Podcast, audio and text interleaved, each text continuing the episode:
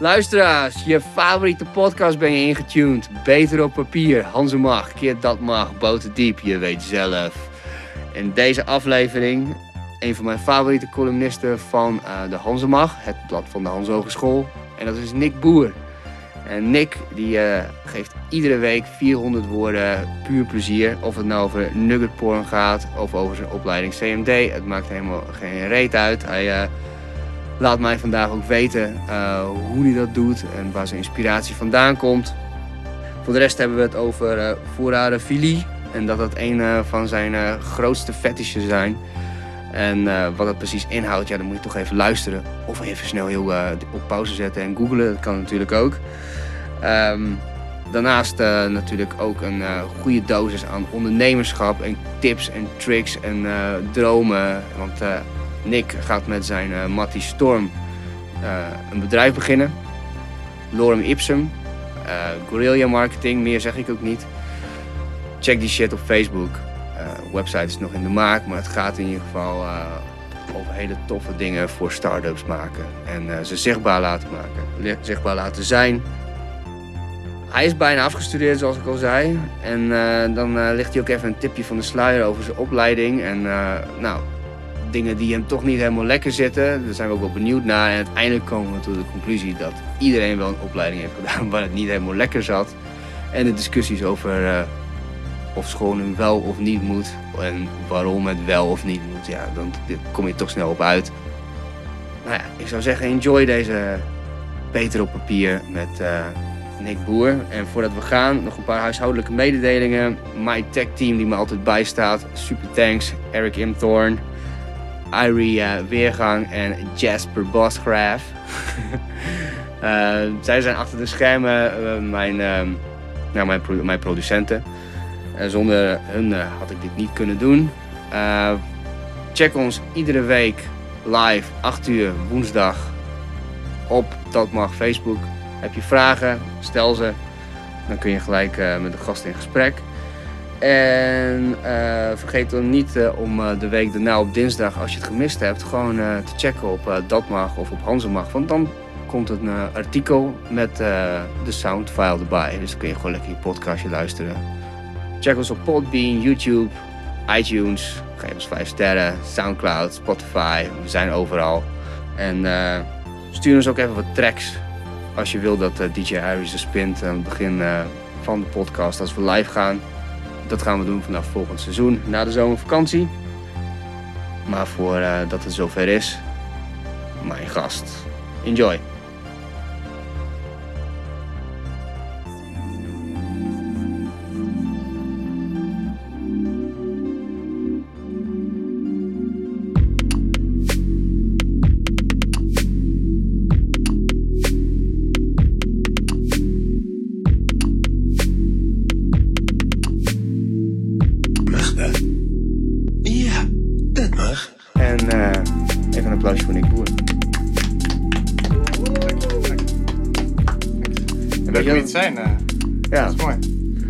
Me het meeste pijn, denk ik, dat, uh, dat je straks gewoon weg bent bij de Hansemag. Nou, um, ik ga er niet per se weg.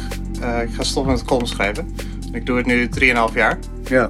En op het duur is de koek een beetje op. Daar heb je overal over geschreven en dan ben je echt op zoek naar nieuwe onderwerpen.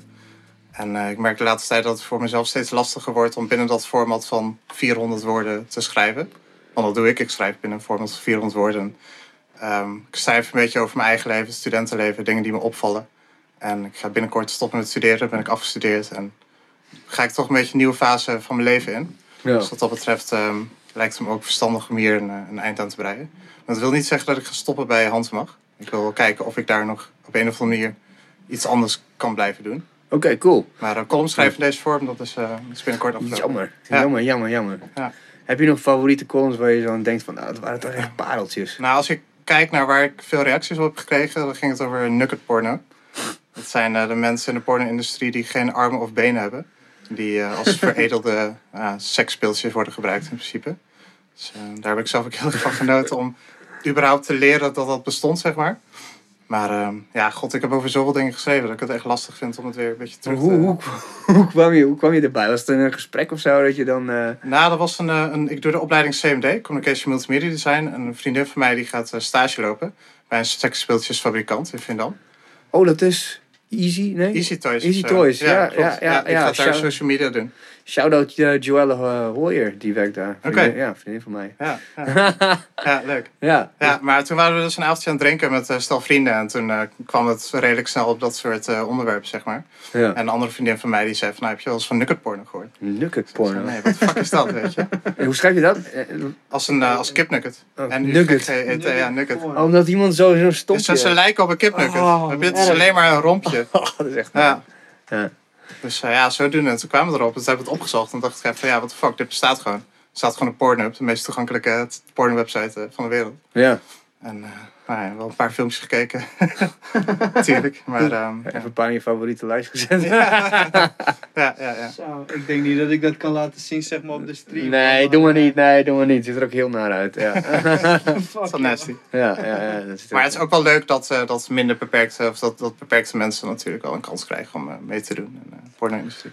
Ja. Dat is wel goed. Zo kan je het ook zien. ja, zo kan je het zien, ja. Ja. Of, of, of dat mensen zich laten verminken om dat te kunnen doen. Dat kan natuurlijk ook. Er zijn wel eens, er zijn, ik weet niet, heb je, op Netflix zijn wel een paar ehm, eh, series. Of ehm, een beetje een kijkje achter de porno-industrie. Oh, ja. Van de hedendaagse porno-industrie. Ja. Hoe heet dat ook alweer? Nou, ik, weet het, ik weet het zo niet uit mijn hoofd. Maar ehm, ja, ik heb het wel eens voorbij zien komen. ja, dan moet je maar eens een keertje checken. Dat is best wel schrijnend hoor. Ja. Dus gewoon, je hebt eh, volgens mij iets met eh, oude, oude pornstars. Die gaan ze opzoeken. Nou, er zijn sommige, het is gewoon natuurlijk ondernemerschap. Dus sommige die, dat zijn eh, vette bazen geworden. Omdat ze dan gewoon met hun geld in huis hebben geïnvesteerd. En dat, Mm. dat dan weer huis hebben verkocht of verhuurd of whatever. En dan zijn ze in één keer kunstenaar en maken ze vet grote gewoon eh, sch- schilderijen. En Ja, eh, ja. gewoon galerieën en zo. Ja. En sommige lui die hebben gewoon aids. En die gaan dood. ja, dat is echt heel Ja. kut. Ja, precies. Ja. Ja. het is ook niet een beroep wat ik zelf aanbier. Nee, dat niet. ja, maar wat, wat tegenwoordig dus ook gebeurt, is dan is dat het. Ja, vroeger was je dan een. Nou, net als een acteur kon je gewoon een carrière maken. Ja. Maar nu is het, eh, nu is het zo dat eh, je komt daar als eh, jong meisje, kom je daar. En dan mag je in het begin een soort van die hele standaard dingen doen. Mhm. En, ehm, en dan wordt het eigenlijk binnen drie maanden ben je eigenlijk al oud. En, eh en gaan Word ze... je geknikkerd? eh? Nou ja, dan moet je dus echt vette vage shit doen. Van die vette gag dingen. En, Ah, ja. eh, en een bondage. En nou, dat is echt eh, Ja, te, te, te nasty. Ja. Ja. ja, nee. Ja. Maar goed, goed onderwerp om te beginnen dit. Ja, toch? Ja, want je had ook... eh Forarofilie. Ja, forarofilie. Ja. Wat, wat- why? Ja, het is een beetje een overdreven term, want als je het Ja. hebt over filie, voor filie, wordt gezien als een fetish. Maar het gaat over de fantasie van het ingeslikt worden of het inslikken van andere mensen. Ja. ja. En het kan zelfs zo ver gaan dat je soms de behoefte voelt om terug te gaan naar je geboorte en opgeslokt te worden door een, een vagina. Je zeg maar gewoon... Maar eh, da- daar struggle je echt, eh, echt mee dagelijks? Nee, het eh, is, niet- het is niet een struggle, maar het is wel soms... Vind ik het wel een prettig gevoel om wel gewoon echt Terug naar de kern. Ja, terug naar de kern. Of gewoon lekker, lekker in de dekens goed inge... Of dat mijn vriendin zeg maar bovenop me komt liggen en dat ze dan stevig vasthoudt. Dus eh, ja. Ik heb ook eens gedacht van, ja, ik zou het... Kijk, cannibalisme, dat, dat, dat vind ik dan weer ver gaan, weet je. Dan heb Ja. je te maken met bloed en, eh, en bottenkou en dat soort zaken. Dat vind ik wel een beetje griezelig. Maar iemand gewoon in zijn geheel inslikken. En dat dat dan... In zijn geheel, ja, ja, ja dat die precies. persoon dan binnenin je zit. Ja. Zeg maar, als een slang, weet je wel. Dat je die vorm ook nog ziet. Vind ik wel wat hebben. Ik, weet niet, ik kan het ook niet verklaren. Ik weet niet wat het vandaan komt. Maar... Nee, nee, nee, oké. Nee, nee, nee, want ik, ik ging dat opzoeken op Wikipedia en ik had echt zoiets van... eh, hè, dat is het- de fantasie om opgegeten te worden, dat gaat wel ver. Net als die ene dude die toen zijn pik ook had afgesneden. Ja, maar kijk, het is dus niet hetzelfde als cannibalisme. Het is echt in één keer opgeslokt worden zonder dus gekoud te worden. En dat je dan voortleeft in iets of iemand anders. Je, je leeft wel voort. Ja. Ja. Nou ja. Hoe dan? Zonder zuurstof? Ja, dat is ook een, een fantasie. Ja, ja, ja. Het is niet, je kunt die kunnen niet daadwerkelijk uitvoeren natuurlijk. Want het is onmogelijk om in één keer opgeslokt te worden. Ja, ja, mis- ja, misschien door een, door een walvis of zo.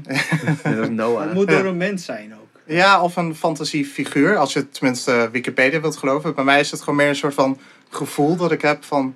Ik wil dat iemand mij voornamelijk bedekt of zo, weet je wel. Dus. Het is een beetje lastig uit te leggen. Nee, maar nee, maar ik, I catch de term voor een filie komt er het dichtst bij in de buurt. Ja. Dus zo is het makkelijk te omschrijven in een soort van begrip, zeg maar. Maar wil je daar niet lekker in een kokonnetje zitten? Ja, dat, dat vind ik ook chill. ja, Ja, zeker. Ja, precies. Dus je bent meer zo'n vlindercomplexe. Ja, ja, ja. Is, dat, is dat een ding? Dat weet ik niet. We kunnen het over gewoon verzinnen. Ja, bij deze. Ja. Ja, ja dat vind ik ook wel een goeie.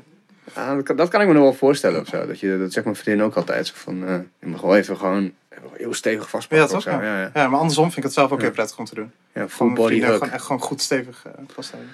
Ja, honden zijn er ook wel goed voor. Ik- Ja. Als je een grote hond hebt, zo'n full body hug. Ja, ik heb thuis een kat, maar die houdt er dan weer echt helemaal niet van. Maar die-.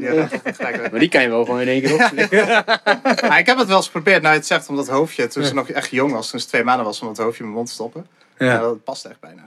ja, dat vonden ze ook heel chill. Ja, ze gaf geen kick. Nee? Ja, volgens mij vond ze het zelf ook wel. Hoe heet, hoe heet je kat? Eh, Sally. Sally. Ik heb ook al eens over Sally geschreven. Cool. Nou, we het erover hebben, ja. Ja, vertel, wat, eh, vertel eens iets over Sally. Ehm, nou, ik zit bij een uh, surfvereniging, Surface. Ja. En we gaan vaak surfen in, eh, in Frankrijk in de zomermaanden. En eh, we kwamen een vrouw tegen op een parkeerplaats, eh vlakbij Le Cat. Dat is een eh, plaatsje daar waar het vaak waait. En eh, die vrouw die had de kat gevonden in de Pyreneeën. En ze was zelf op rondreis en ze had net een yogaretreat gedaan. En eh, ze had eigenlijk geen tijd om voor het katje te zorgen, maar ze vond het wel een hele zielige kat. Dus ze had, ze had, ze had hem meegenomen. En eh, ze vroeg aan ons op de parkeerplaats of wij dat katje wouden overnemen. Want ze was gewoon mensen gaan van hier, ik heb dit schattige katje, kan iemand hier iets mee?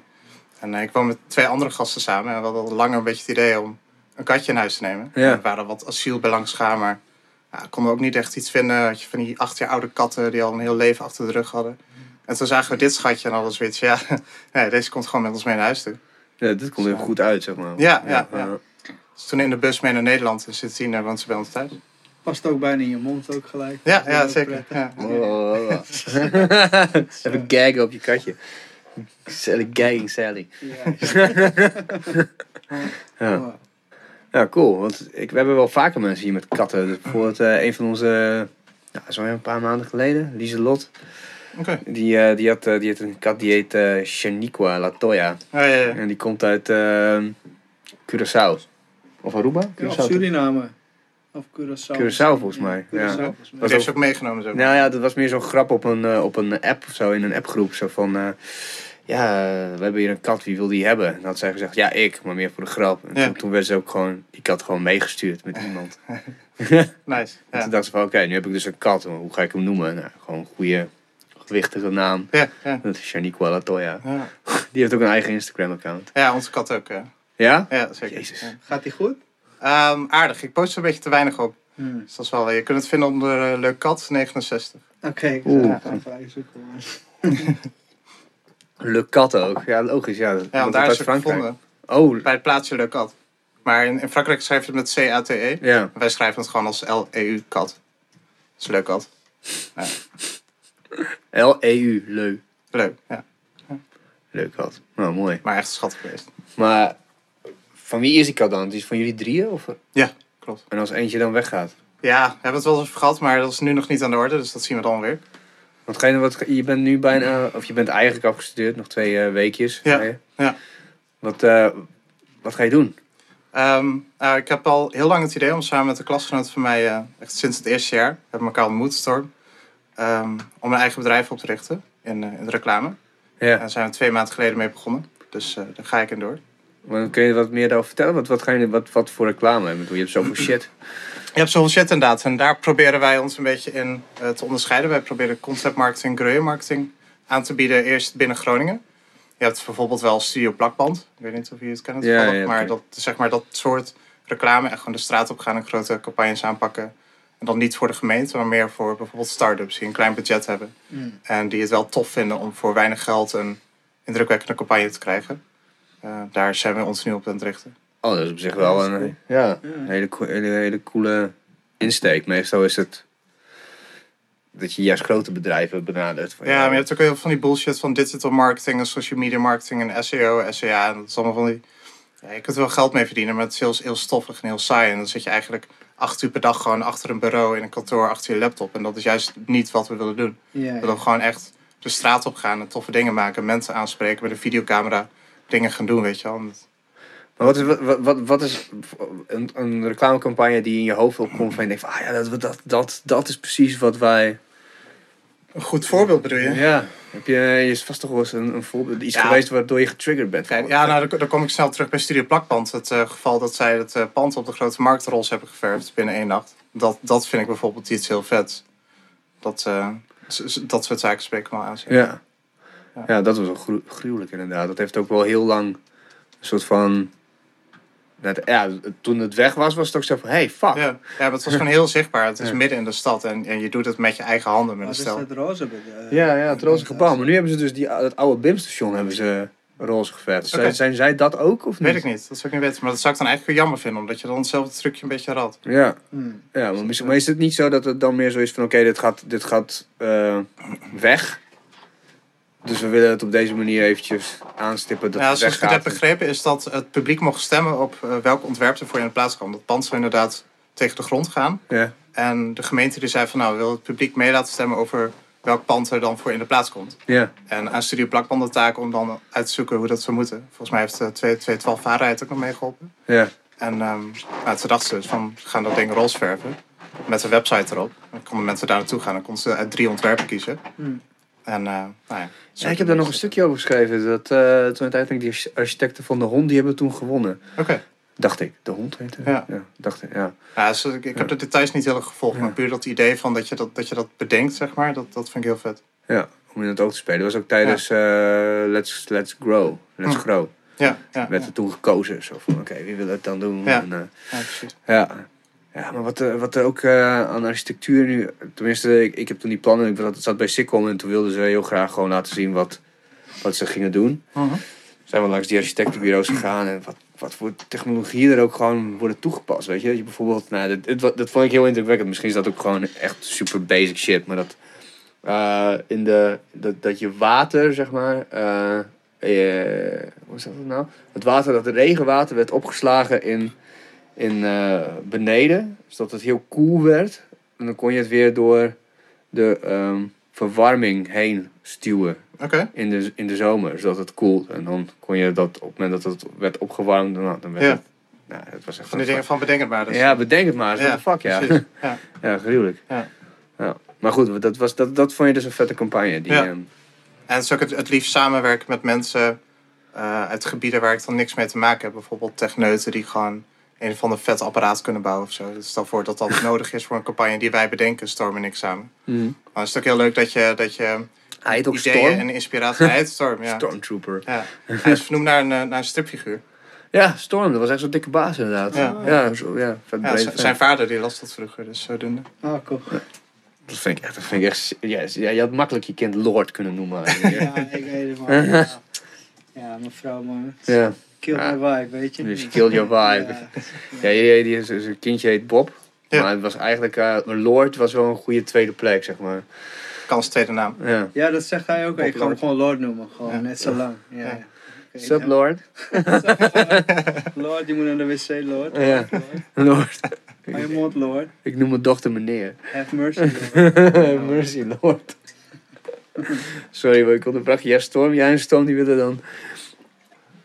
Sorry? Jij en Storm willen dus ook zo'n zo'n gewichtig... Nee, niet gewichtig. Jullie willen graag gewoon mensen die echt, echt gewoon super gefocust zijn op hun Nou, ik, eigen... ik vind het juist vet dat je, dat je ook uit je eigen... Uit je eigen kennen een beetje wordt getrokken, zeg maar. Dat je ook mensen ontmoet die het heel anders doen. En dat je daarmee samenwerkt. En dat je daar weer inspiratie uit krijgt. En kennis uit krijgt. En dat je dan, zeg maar, niet constant hetzelfde doet. Ja. Bijvoorbeeld, ik heb een hekel aan paarden. Maar ik zou het fantastisch vinden om een keer in een manege rond te lopen. En iets met paarden te doen. Of zo. Gewoon voor één dag of zo. Weet je. Een klein voorbeeld. Ja, maar als je voor een bedrijf werkt die dan iets met een manege doet, dan zit je er niet één dag, toch? Denk ik. Nee, precies. Maar ik noem maar wat. Weet je. Ja, Dat je gewoon een beetje ja, uit je comfortzone stapt. Ja. En andere mensen ontmoet en je gewend bent en andere dingen doet. Misschien een nugget-industrie of zo. Nou, Ik vond het een mooie campagne. Ja. Ja, dat zou wel vet zijn. Ja, het staat echt nog in kinderschoenen. Dus we zijn nu heel erg bezig met, met echt het opzetten van het bedrijf. En zijn bij de KVK langs geweest. Zijn nog met de website bezig en dat soort zaken. En eh, Storm die is nu een maand in Thailand. Met zijn vriendin. Ja. En als hij terug is, dan eh, gaan we proberen de eerste campagne aan te pakken. Ze zijn nu, of ik ben nu hard op zoek naar de eerste klant. Oké, oké. Dus eh, En wat is je... Nou, oké, je kan... eh, stel, ja, ik weet niet wie er allemaal, allemaal kijken of straks luisteren, maar wat...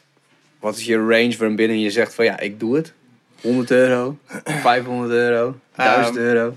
Nou ja, 100 euro is natuurlijk, eh, natuurlijk heel klein, maar het hangt heel erg af van het budget ook van, van het bedrijf. Dat is eh, logisch. Maar het idee is dat wij met een range aan freelancers gaan werken. Het liefst mensen die net zijn afgestudeerd. Bijvoorbeeld mensen van mijn eigen opleiding, van Communication Multimedia Design. Mhm. worden een beetje opgeleid in allerlei verschillende richtingen. Bijvoorbeeld video's maken, fotografie, webdesign, dat soort zaken. En het idee is dat als je bent afgestudeerd, heb je vaak geen flauw idee wat je moet gaan doen. En het leek ons ook een heel leuk idee om die mensen dan ook eh, Te vangen. op te vangen en, en een baan aan te bieden, een freelance baan aan te bieden. Om zo ook ehm, de dingen te doen die we niet zelf kunnen doen. Ik heb geen, geen ballenverstand van een website bouwen. Ja. Dus dan voor een klant die wil een toffe website hebben, dan kunnen we daar een freelancer voor vinden. Net als afgestudeerd kost iets minder dan een professionele webbouwer. Dan heb je toch een toffe website. En heb je iemand een, een baan gegeven, zeg maar. Een soort van uitzendbureau eigenlijk. Ja, ja Een beetje. principe. Een soort Ja. van maatschappelijk verantwoord ondernemer voor mensen die, eh, die net een diploma hebben. Of Ja. nog aan het studeren zijn. Ja, op zich wel een heel vet idee. Ja, zeker. Ja. Dus eh, die freelancer kring die hebben we nu wel redelijk uitgebouwd. We hebben een goede lijst met mensen die wel voor ons willen werken. En waarvan we weten dat ze goed werk leveren. Dus dat is fijn. En eh, ja, het is nu Oh, echt nog die laatste stappen zetten. groot is jullie team dan? Is wel, ik ben wel benieuwd. Nou, we zijn met z'n tweeën. In principe, het bedrijf is gewoon van, van mezelf en van Storm. En we hebben een lijst van freelancers van, uit mijn hoofd, 15 man. Zo, dat is echt een flinke, flinke Voor, lijst. voor illustratie, fotografie, video, web, eh, noem maar op. Cool. Ja. En jullie, oh ja, je hebt nog geen website, hè, zei je. Maar hoe heet jullie bedrijf? Lorem Ipsum. Lorem Ipsum. Lorem Ipsum. Ja, ja, vet. Ja. Ja, met, met dubbel L. Kunnen ze wel vinden op Facebook. Oké, cool. je weet dat het, een, eh, dat het niet echt Latijn is, hè? Dat, eh, Hm. De Lorem Ipsum. Dat het echt gewoon...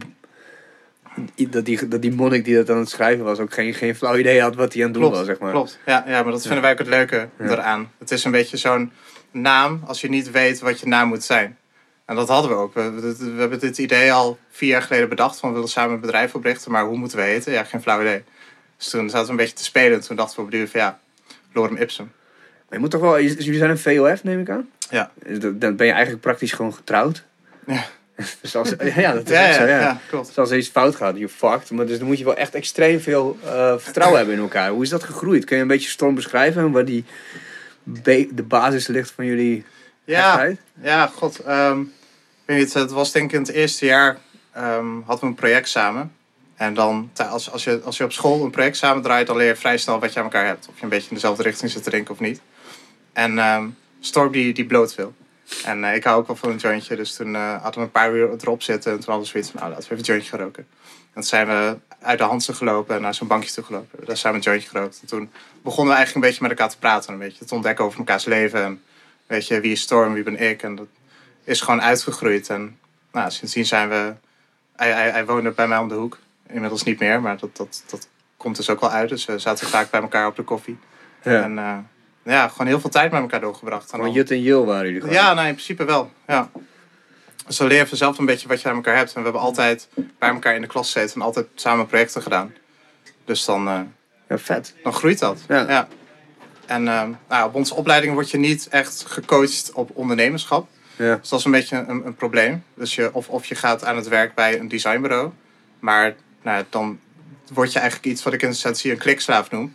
Is je zit gewoon achter een computer en je voert uit wat iemand anders zegt. Iemand zegt van ja, maak een logo. En dan maak je dat. En je hebt er zelf redelijk weinig creativiteit eh, bij, zeg maar. Ja. Dus dan voer je gewoon uit wat andere mensen zeggen. En dat, dat willen wij niet. Wij willen zelf de plannen maken. ja. En dat dan ook... eh, Jij wil zeggen, maak een logo. Ja, in principe wel, ja. ja. Ja. Dan heb je 15 man voor die dat dan... Ja. Ik zou wel een klikslaaf willen hebben. Ja.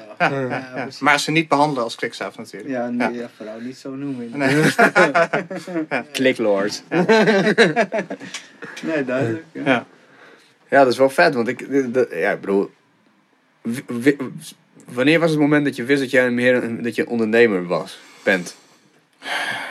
Ik vind mezelf geen ondernemer. En dat is natuurlijk slecht om te zeggen op het moment dat je een ondernemer bent gestart. Maar ik vind mezelf geen ondernemer. Ik denk dat het wel een heel goed antwoord is van een echt ondernemer. Ja, ik, wil, ik wil gewoon toffe projecten neerzetten. Ik wil samenwerken met leuke mensen. Maar als ik denk aan een ondernemer, dan zie ik toch een wel wat stoffig figuur voor me die altijd een telefoon aan zijn oren heeft en, en, en, en zakendeals probeert te regelen of zo. En echt zo'n beetje zo'n fixer, weet je wel. Dat, dat ben ik niet per se. Ik ben gewoon iemand die, het- die het tof vindt om met een leuk team mensen toffe dingen te maken. Dus ehm, ja. En daar heb je in mijn geval een bedrijf voor nodig. Ja, ja, ja dus, dus een onderneming. Ja. ja. Dat is het, heb jij dat niet, eh, dat je gewoon jezelf ook niet als ondernemer ziet? Echt helemaal nooit. Ja. Mensen vragen dat wel eens. Denk, ja, ik ben wel bij Kamer van Koophandel en ik schrijf wel factures uit. En ik bel wel met mensen van, joh, ik eh, ja, moet wel een deal Ja, ja. sluiten. Dus je bent wel deals aan het sluiten. Ja, stiekem ja. wel. Nou, ondernemen, ik heb dat precies hetzelfde. Ik denk als lui als eh, Wall Street of zo, weet je wel. Dat idee is van, joh, maar je bent gewoon hard voor die money aan het gaan. Ja, Maar voor de rest hou je eigenlijk nergens van of zo, weet ja, je. ja. Hoe heette die? eh, er was zo'n film, eh, die, was, die, die was gemaakt naar een, eh, naar een theaterstuk. Eh Leeds, Rosenberry Leeds. Nou, dus het speelt die... Speelt, eh, hoe heet die gast? Eh, Eric Borwin. Ja, Alec, Bo Alec Baldwin, die speelt eh, eh, dan als de top closer. Dus dan, Oh ja, daar staat wel iets van bij. dan. ja, de Gro Gro Grossberry Leeds. Ja, en, ja, en, dan, en dan zijn het een beetje van die suffe lui, zeg maar. Inderdaad, precies wat jij beschrijft. Van die, van die, van die stoffige gasten. En eh, ja, die hebben maar gewoon een beetje van die eh, suffe leads en weet ik veel. En je hebt dan eentje El Pacino, dat is een beetje de, de chageraar van hun. Maar dat is ook, ja, Beetje de gangster. Ja, de, ja, de topdog in dat bureautje. Maar het is Ja. gewoon een, wel echt een slecht salesbureautje. Mhm. En dan komt dan van bovenaf, komt dan Alec Baldwin strak in pak. Echt gewoon helemaal fucking million bucks. En die zegt dan op een gegeven moment van eh, iets van... ja, always closing, always closing. En eh, you know what a real closer is? What, a real closer has? En dan draait hij zich zo om en heeft hij twee van die echt zo'n klokkenspel. met Twee grote metalen ballen. Balls of brass. en dan zegt hij, you know, if you, if you close these deals... Uh, if you're the top closer, you win. Uh, number, you know what you're gonna win? You're gonna win a, a, a brand new BMW, bla bla bla, allemaal extra's. You know what second prize is? Nou, dan iedereen zo, nou, geen idee. Hm. En zo, uh, uh, steak knives. you know, third prize is you get, a get, you get, you get to keep your job. echt super hard gewoon. Je denkt van, oké, dat is echt ondernemen, maar dat is gewoon sales. Ja, een beetje Wolf of Wall Street Ja. eh, idee, zeg maar, voor, voor mijn generatie. Ja, maar misschien Ja. is het verschil ook met hun, zeg maar, of met hun, ja, zulke soort mensen. Dat is, dat is wat zij ook vet vinden, weet je wel? Dat is wat hun Scoren. Ja, Ja. wij, eh, of als ik bij mij, ik ben creatief, dat vind ik het vetst om te doen. En, da- en dat, wij moet ik ondernemen. Bij hun is onderneming is gewoon de Ja. factor waar ze, ja, ga je er daar gewoon eh, Ja. fucking geld van worden eigenlijk. Net, net als die dude van die McDonald's heeft eh, eh, overgenomen eigenlijk. Heb je die film wel eens gezien? Nee. Over hoe McDonald's... Ach, dat is ook een geniale film. Dat is ook echt zo'n dude die gewoon zijn hele leven lang alleen maar zo'n zo'n door-to-door salesman is. Die met, weet ik veel, zo'n eh, milkshake machine. Nog toen die echt zo gru- gru- gruwelijk groot waren. Dat hij Mhm. daarmee aan de deur van ja, een milkshake machine kopen, weet je wel. Of eh, stofzuigers of koffiezetapparaten. Allemaal Ja, ja. gewoon de, uit de back of his trunk. En dan op een gegeven moment komt hij dan bij van die lui terecht. Die, die dan de perfecte... eh, het, eh, de perfecte indeling van hun keuken hebben, zodat je zo snel mogelijk een hamburger kunt serveren. Oké. Het is echt gewoon twee gasten die echt gewoon er echt overheen gebogen hebben. Hoe kunnen we iets vets neerzetten? Ja, weet je? ja, dat je gewoon echt mega efficiënt en ook alleen maar aan het meten. En dat het in de eerste drie jaar gewoon perfectioneren. En dan op een gegeven moment wordt hij dan, volgens mij wordt hij partner. En, en dan wil hij, hij wil dan een franchise. En dan zegt hij lui van, nee, maar dat kan niet, want dan kunnen we de kwaliteit niet garanderen. Weet je? Ik weet hier, heb ik het overzicht. Dan weet ik precies hoe alles gaat. Hè? Vet autisten. Ja. En uiteindelijk dan eh, verneukt hij ze. En dan neemt hij het gewoon over. En dan wordt het gewoon een franchise. En dan, ja, in, in Nederland is het gewoon natuurlijk... McDonald's is heel mooi. Ja. Maar als je in Amerika naar een McDonald's gaat... Wat ik heb gehoord van vrienden... Dus er zitten gewoon nog net niet eh, heroïne junkies in de hoek. En Oké. eh, lui gewoon een beetje te dobbelen en eh, te Ja, gokken ja, en zo. Het schijnt Ja, echt, is het erg? ja, het schijnt echt super schrijnend te zijn. Ja. Ja, Mooi. ja maar ja, dus zo'n zo'n Ja. dude heeft gewoon de wereld van eh, voeding eh, Ja. omgegooid. Ja. Ja, ja. Ja. ja, met een goed concept in principe. die die gejat heeft. Ja, Ja, beter goed gejat dan slecht bedacht. precies dat ja. inderdaad. Ja. Maar goed, ondernemen dus. Maar spannend. Ja, zeker. Ja, natuurlijk ook omdat ik eh, geen flauw idee heb waar ik aan begin, in principe. Eh, er zijn heel veel mensen om me heen die, die me wel steunen. Eh, ik heb een aantal ondernemers die ons wel willen begeleiden ook. Dus ik werk bijvoorbeeld bij, bij Fitbrand, dat is een reclamebureau voor fitnessbedrijven hier in de stad. Oh, cool. En ehm, nou ja, die, mijn, mijn baas die, die wil ons wel begeleiden. En nog een aantal uh, oud-docenten van de CMD-opleiding die, die willen ons helpen. Dus het is niet zo dat we er alleen voor staan. Maar ja, we hebben het natuurlijk nooit eerder gedaan. Ja. Dus ik ben wel eh, freelancer als ontwerper en journalist. Dus ik heb wel wat kleine klusjes gedaan. als je het hebt echt over grote campagnes aanpakken, heb ik geen flauw idee waar we aan beginnen. Dat, dat, dat leer je ook met de Ja. jaren natuurlijk. Maar Dus- dat is ook de journey. ja, natuurlijk, dat is Ja, de journey. Maar daarom is dat, dat, dat begint, zeg maar. Als we straks echt onze eerste klant hebben, dat is ontzettend spannend. Omdat we geen flauw idee hebben wat we, wat we doen. We hebben gewoon heel veel enthousiasme en heel veel goede plannen. Maar het moet toch allemaal blijken of het ook echt een Oh succes kan man, worden. nee, dat is gewoon de, de, de- Ik weet niet, misschien vind jij dat ook, Irie, maar het is wel de, de, de grootste fails zijn eigenlijk waar je op terugkijkt en je denkt van, oh, ik ben maar blij dat dat gebeurd was toen. Tuurlijk, man. Ja. Ja. En de eerste keer verkoop je ook een beetje gebakken lucht. Want je zegt, ja, ik ga dit allemaal voor je doen en zo. Maar eigenlijk weet je helemaal, helemaal niet of je dat ook kan of zo, weet je. Ja. Dus ja, dat is, ja. is ook spannend, man. Tuurlijk, man. Ja, ja. Ja, Net als, de, hoe heet die nou? Eh, Bill Gates, die, eh, die gewoon dat eh, Microsoft, nee, eh, eh, MS-DOS eh, verkocht. ja die had het ook gejat, toch? Ja, het was geen een of andere studentenproject of zo van Ja. iemand. Had Ja. hij gewoon gepakt. En Ja, dat ding, dat, dat, dat aan alle kanten. Maar, eh, Ik dacht juist van zijn vorige werkgever dat hij al bij een soort van IT-bedrijf aan het werk was. Ja, en dat ze daar code schreven. En dat hij, eh, dat hij zoiets had van, yo, ik vind mijn baas kut, ik ga je weg. Maar dat hij wel een deel van die code had meegenomen. Oh, dat zou heel goed kunnen. Zoiets dat, ja, ik dacht, dat, ik dacht juist dat MS-DOS een, een, een, een, een, een mislukt of niet uitgewerkt project was van een medestudent. Dat kan ook wel. Maar ik weet wel dat hij bij Xerox heeft gewerkt. En Ja. daar heeft hij dus wel die hele layout met de muis en, Ah, en, de, en die kliksystemen Ja. en dat soort dingen. Dat heeft Ja. hij dan wel weer eh, mee, Hm. meegenomen. Volgens mij zijn er ook wel vette zaken over gevoerd. Ja, maar zo, het kan ook zo gaan, joh. Dat is echt... ehm, ja, het is belachelijk ook. Zoals je denkt aan wat MS... Nou, MS heb je, dat heb je ook nog wel mee. Hoe oud ben jij? 26? Ik ben van 94, ik ben 24. Ja, dus op, op zich heb je MS-DOS net niet meegemaakt. Ja, net wel. Ja, kijk, niet, niet, niet toen ik jong was natuurlijk, maar later wel heb ik er nog wel eh, dingen van gezien toen ik Mm. wat ouder was. Precies. En nu... Bouw een computer open. Bang! Echt super slick. Ja. Dus hoe Ja. snel kan het gaan? Maar dat is, dat, is, dat is voor mij natuurlijk ook eh, heel interessant in, in het hele reclamevak. Is waar, waar gaat het überhaupt heen? Ja. Je hebt, nu de, je hebt nu internet, je hebt social media. Daar adverteer je al compleet anders op dan tien jaar geleden. Mm. Wat je via televisie en radio of kranten bijvoorbeeld deed. Ja. Dus Ja. nou ja, 10, 20 jaar verder, wat de fuck gaan we dan doen? En hoe moeten we daarop inspelen? Holograms. geen flauw idee, ja. Ja, holograms.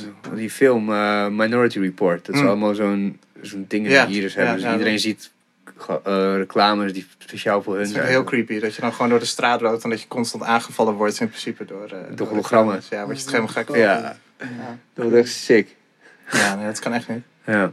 Nou, eh, ja, je weet het niet. Je, is- je, je- die- als je gewoon kijkt bijvoorbeeld naar die reality soaps die, er- die er nu zijn.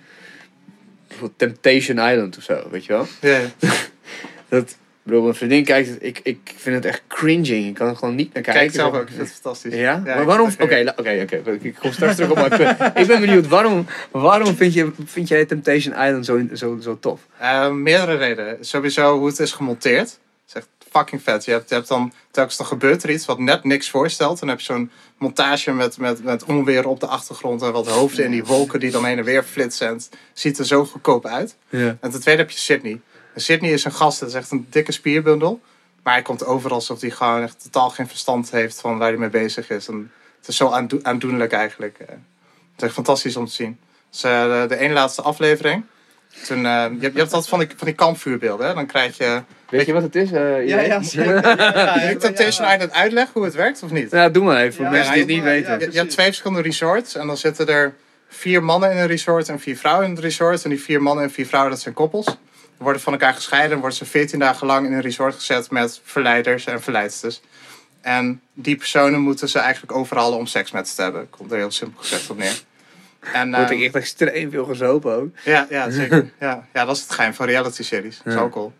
Maar eh, tijdens de kampvuren, dan krijgen ze beelden te zien van hun partner.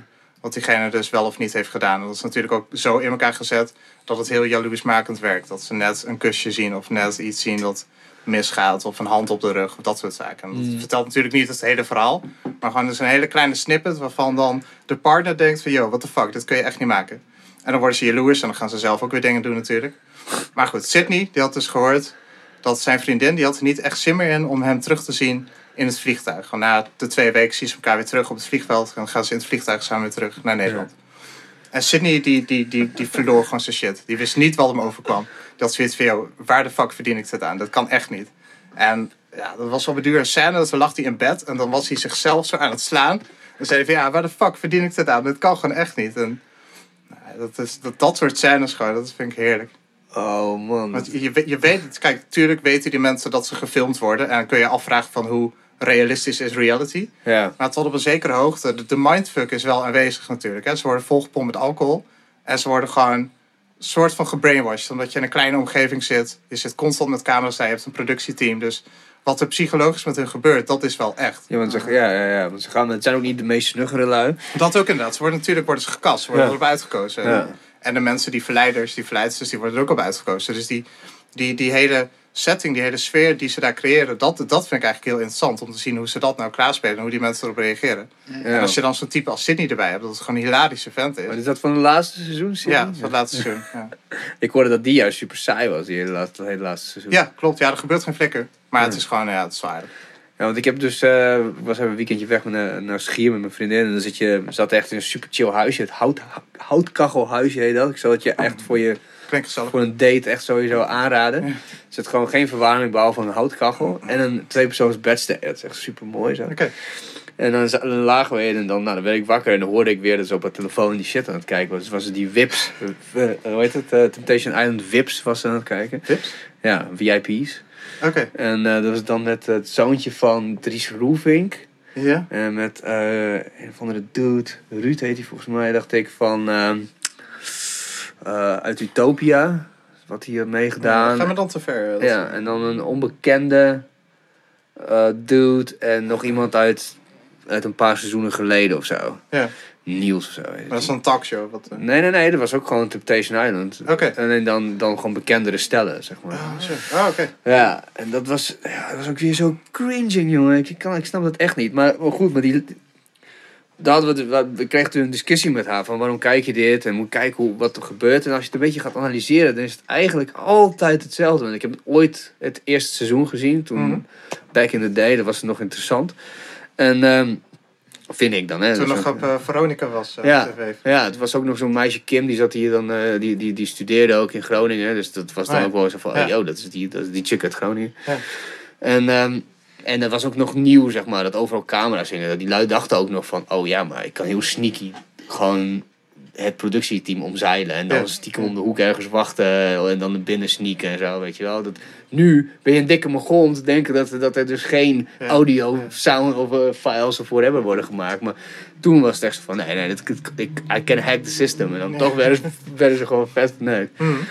Maar, maar het mooiste is dat, nou, wat er meestal dus gebeurt, is dan bij die kampvuren, dan eh, die gasten, die, doen, die, die gaan eigenlijk gelijk al heel fout bezig, zeg maar. Die trekken dan met hun tenen, trekken ze dan slipjes naar beneden, of ze gaan dan lui zitten of zo, of Hmm. toch nog een beetje, net, net even t- Ja. de confrontatie Ja, aan, zeg maar. Oh, ik ga met Temptation aan, weet je. ja, zo.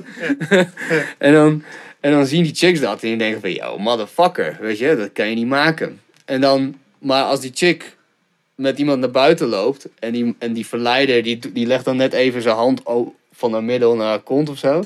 Dan flippen die gasten hem helemaal. En dan denk what the fuck, waar heb ik dit aan verdiend? Ja. Dat kan toch niet? Ja. En zeg maar zo van, het is een heel traditionele rolverdeling. Van, van, nou ja, boys will be boys, maar vrouwen moeten wel kuis blijven. Ja, precies. Ja, die kunnen niks maken. Die kunnen niks maken. Ja. Dat, dat is één. En twee is dat je... ehm, eh, Oké, als vrouw zijnde, dat is zo, zo bracht mijn vriendin dat. Zo van, als vrouw zijnde ben je gewend om gasten af te wimpelen. Dus gewoon je hele leven lang word je gewoon belaagd. Hm. Dus ja, oké, je zit op zo'n resort, dan is het wel meer heavy on. Maar ja, dat, je, je kan dat. Het zit in je systeem. Als gast kom je in, in, in zo'n Ja. resort en dan willen al die chicks, die willen jou gewoon.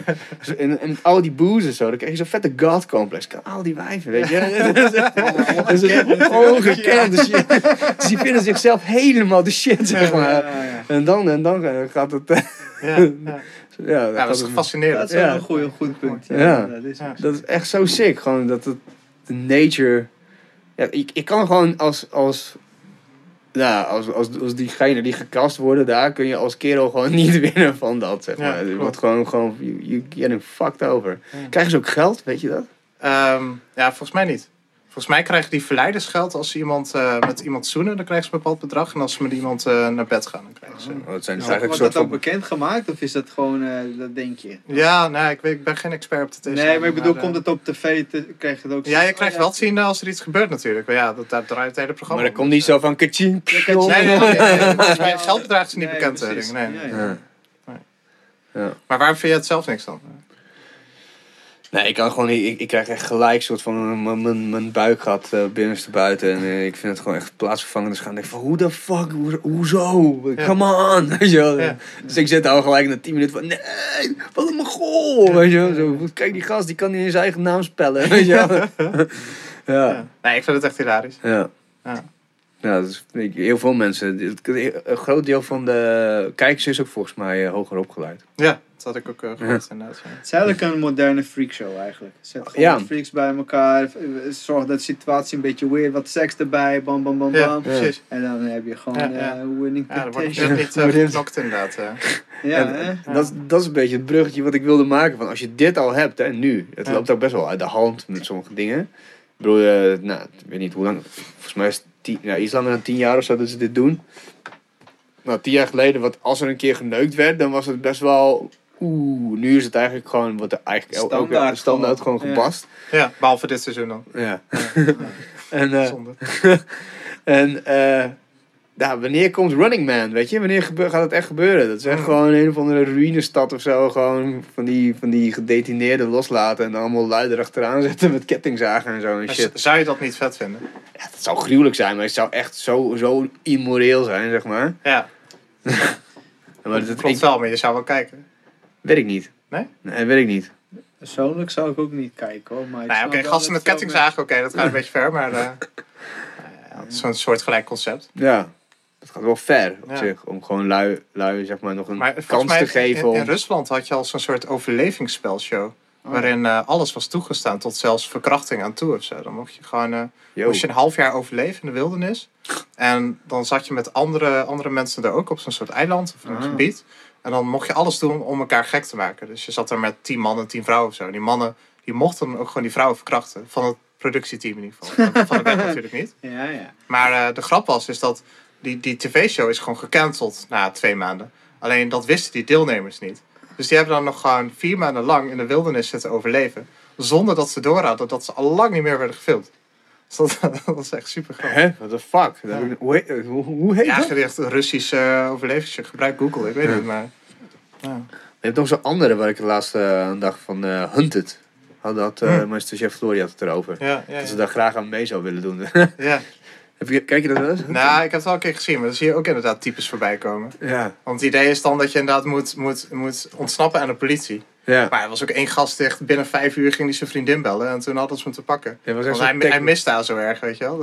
Ik, ja, dat kun je toch ook wel bedenken van tevoren. Dat het gewoon niet gaat werken. Ja, maar ik zat, ik weet niet precies wat de regels zijn, maar ik zat echt zo met Erik zaten we echt zo oké, oké, je moet sowieso altijd wire gebruiken als je dan gaat communiceren, zeg maar. Dat is gewoon eh, encrypted. Ja, En eh, eigenlijk moet je voordat je überhaupt je laat screenen of whatever gaat doen, ik weet niet wat de regels zijn, maar eigenlijk moet je al gewoon iets van 5000 euro cash ergens gewoon ja. verdeeld hebben. gewoon goede voorbereidingen. Ja, inderdaad. ja super, super goed voorbereid. Ja. Ja, en, en het beste is dat je gewoon gelijk from the bottom of the earth gewoon verdwijnt. Gewoon ergens in een Ja, het was bunker. wel van die gasten die, eh, die konden survivalen. En die gingen dan ergens in de bossen zitten met een tentje. Die gingen Ja. het gewoon afwachten. Maar op de duur heb je dan weer eten nodig. En dan ga je weer de stad in. En dan word je ergens gezien of zo. Ja, dan moet je wel cash hebben. Zeg maar. Ja, dat inderdaad. Ja. Maar dat vind ik ook inderdaad wel, eh, wel een geinig programma. Ook omdat het een beetje laat zien hoe, hoe de recherche in zijn werk gaat. Ja. Stel voor dat je dat iemand een keer een moord heeft gepleegd of zo. Je hebt er wel films en series over gezien, maar je hebt eigenlijk vrij weinig besef van hoe het nou daadwerkelijk gebeurt. Hoe zo'n rechercheteam te werk gaat en hoe personen die verdacht worden van iets opgespoord worden. Ja. Dat, dat zie je daar wel een beetje. Nou ja, vooral als je die Ted Bundy dingen kijkt, eh, die docu's die er nu op Netflix zijn, dat is best wel schrijnend om te zien van hoe slecht eigenlijk tot Ja. voor kort de politie georganiseerd was. Dat die gast die kon in verschillende staten kon die gewoon, nou eigenlijk gewoon lopende band vrouwen doodmaken Ja, en ja. ontvoeren. Klopt. En eh, niemand die, nou ja, die, die dan de puntjes die er kon verbinden. Tot- Mhm. ja, uiteindelijk wel. Toen deed hij Uiteindelijk gelukkig wel. Ja. Maar ja, toen was het al te laat natuurlijk. Ja, toen had hij al, ja, het heeft, het heeft echt veel doodgemaakt. Ja. Veel mensen. Ja. van, ja, volgens mij 30 bekend. En ze vermoeden dat het over de 100 eh, gaat. Of zo. Ja, dat is echt Ja. heel sick. Ja. Die film, ik heb die film wel gekeken met, eh hoe heet die nou? Zac Efron. Ja, ik heb het laatst ook gezien inderdaad. Wat vond je ervan? Nou, ik heb het van tevoren, zag ik toevallig shownieuws. Ik was een beetje aan het zappen op tv en daar kwam het voorbij. Ja. Dat ze hem veel te positief zouden hebben afgebeeld. Omdat het een knappe acteur is. En je zag dan geen moorden die gepleegd werden. Maar je zag meer de rechtszaken. En je zag eh, zijn vriendin die helemaal emotioneel werd. En dat ze het zielig voor hem vond. Het was meer zijn kant van het verhaal. En heel veel mensen waren erop tegen. Omdat dat eigenlijk niet kan, weet je wel. Want het is een moordenaar. Die mag je niet in een positief daglicht stellen. Ja. Dus oké, met, met die gedachte ben ik het gaan kijken. En daar ben ik het wel mee eens. Het was wel een heel positief beeld wat werd geschetst. geschetst. Ja. Je zag inderdaad ook geen moorden die werden gepleegd. Dan eh, wil je toch wel een beetje actie natuurlijk. Maar ehm, ja, het is wel interessant om te zien. Het ging voornamelijk over de rechtszaken. Dus dat was wel interessant om te zien hoe die rechtszaken gingen. Maar al met al vond ik het eigenlijk vrij weinig informatie bieden over het geheel. Ja. Het was een beetje een soort van allemaal losgeraapte stukjes bij elkaar. Je hebt niet Ja. echt, het ging meer over het karakter van Ted Bundy dan wat hij allemaal heeft gedaan in principe. Ja. Dus probeer echt meer een karakterschets van iemand te maken. Ja, dat vond ik ook. Ik vond, ik vond het, ik vond het eigenlijk gewoon een beetje suf. Allemaal. Ja, ja. ja ik raakte de aandacht ook wel een beetje kwijt. duur. het is gewoon een goed geproduceerde film. Het is al makkelijk om naar te kijken, zeg maar. Ja.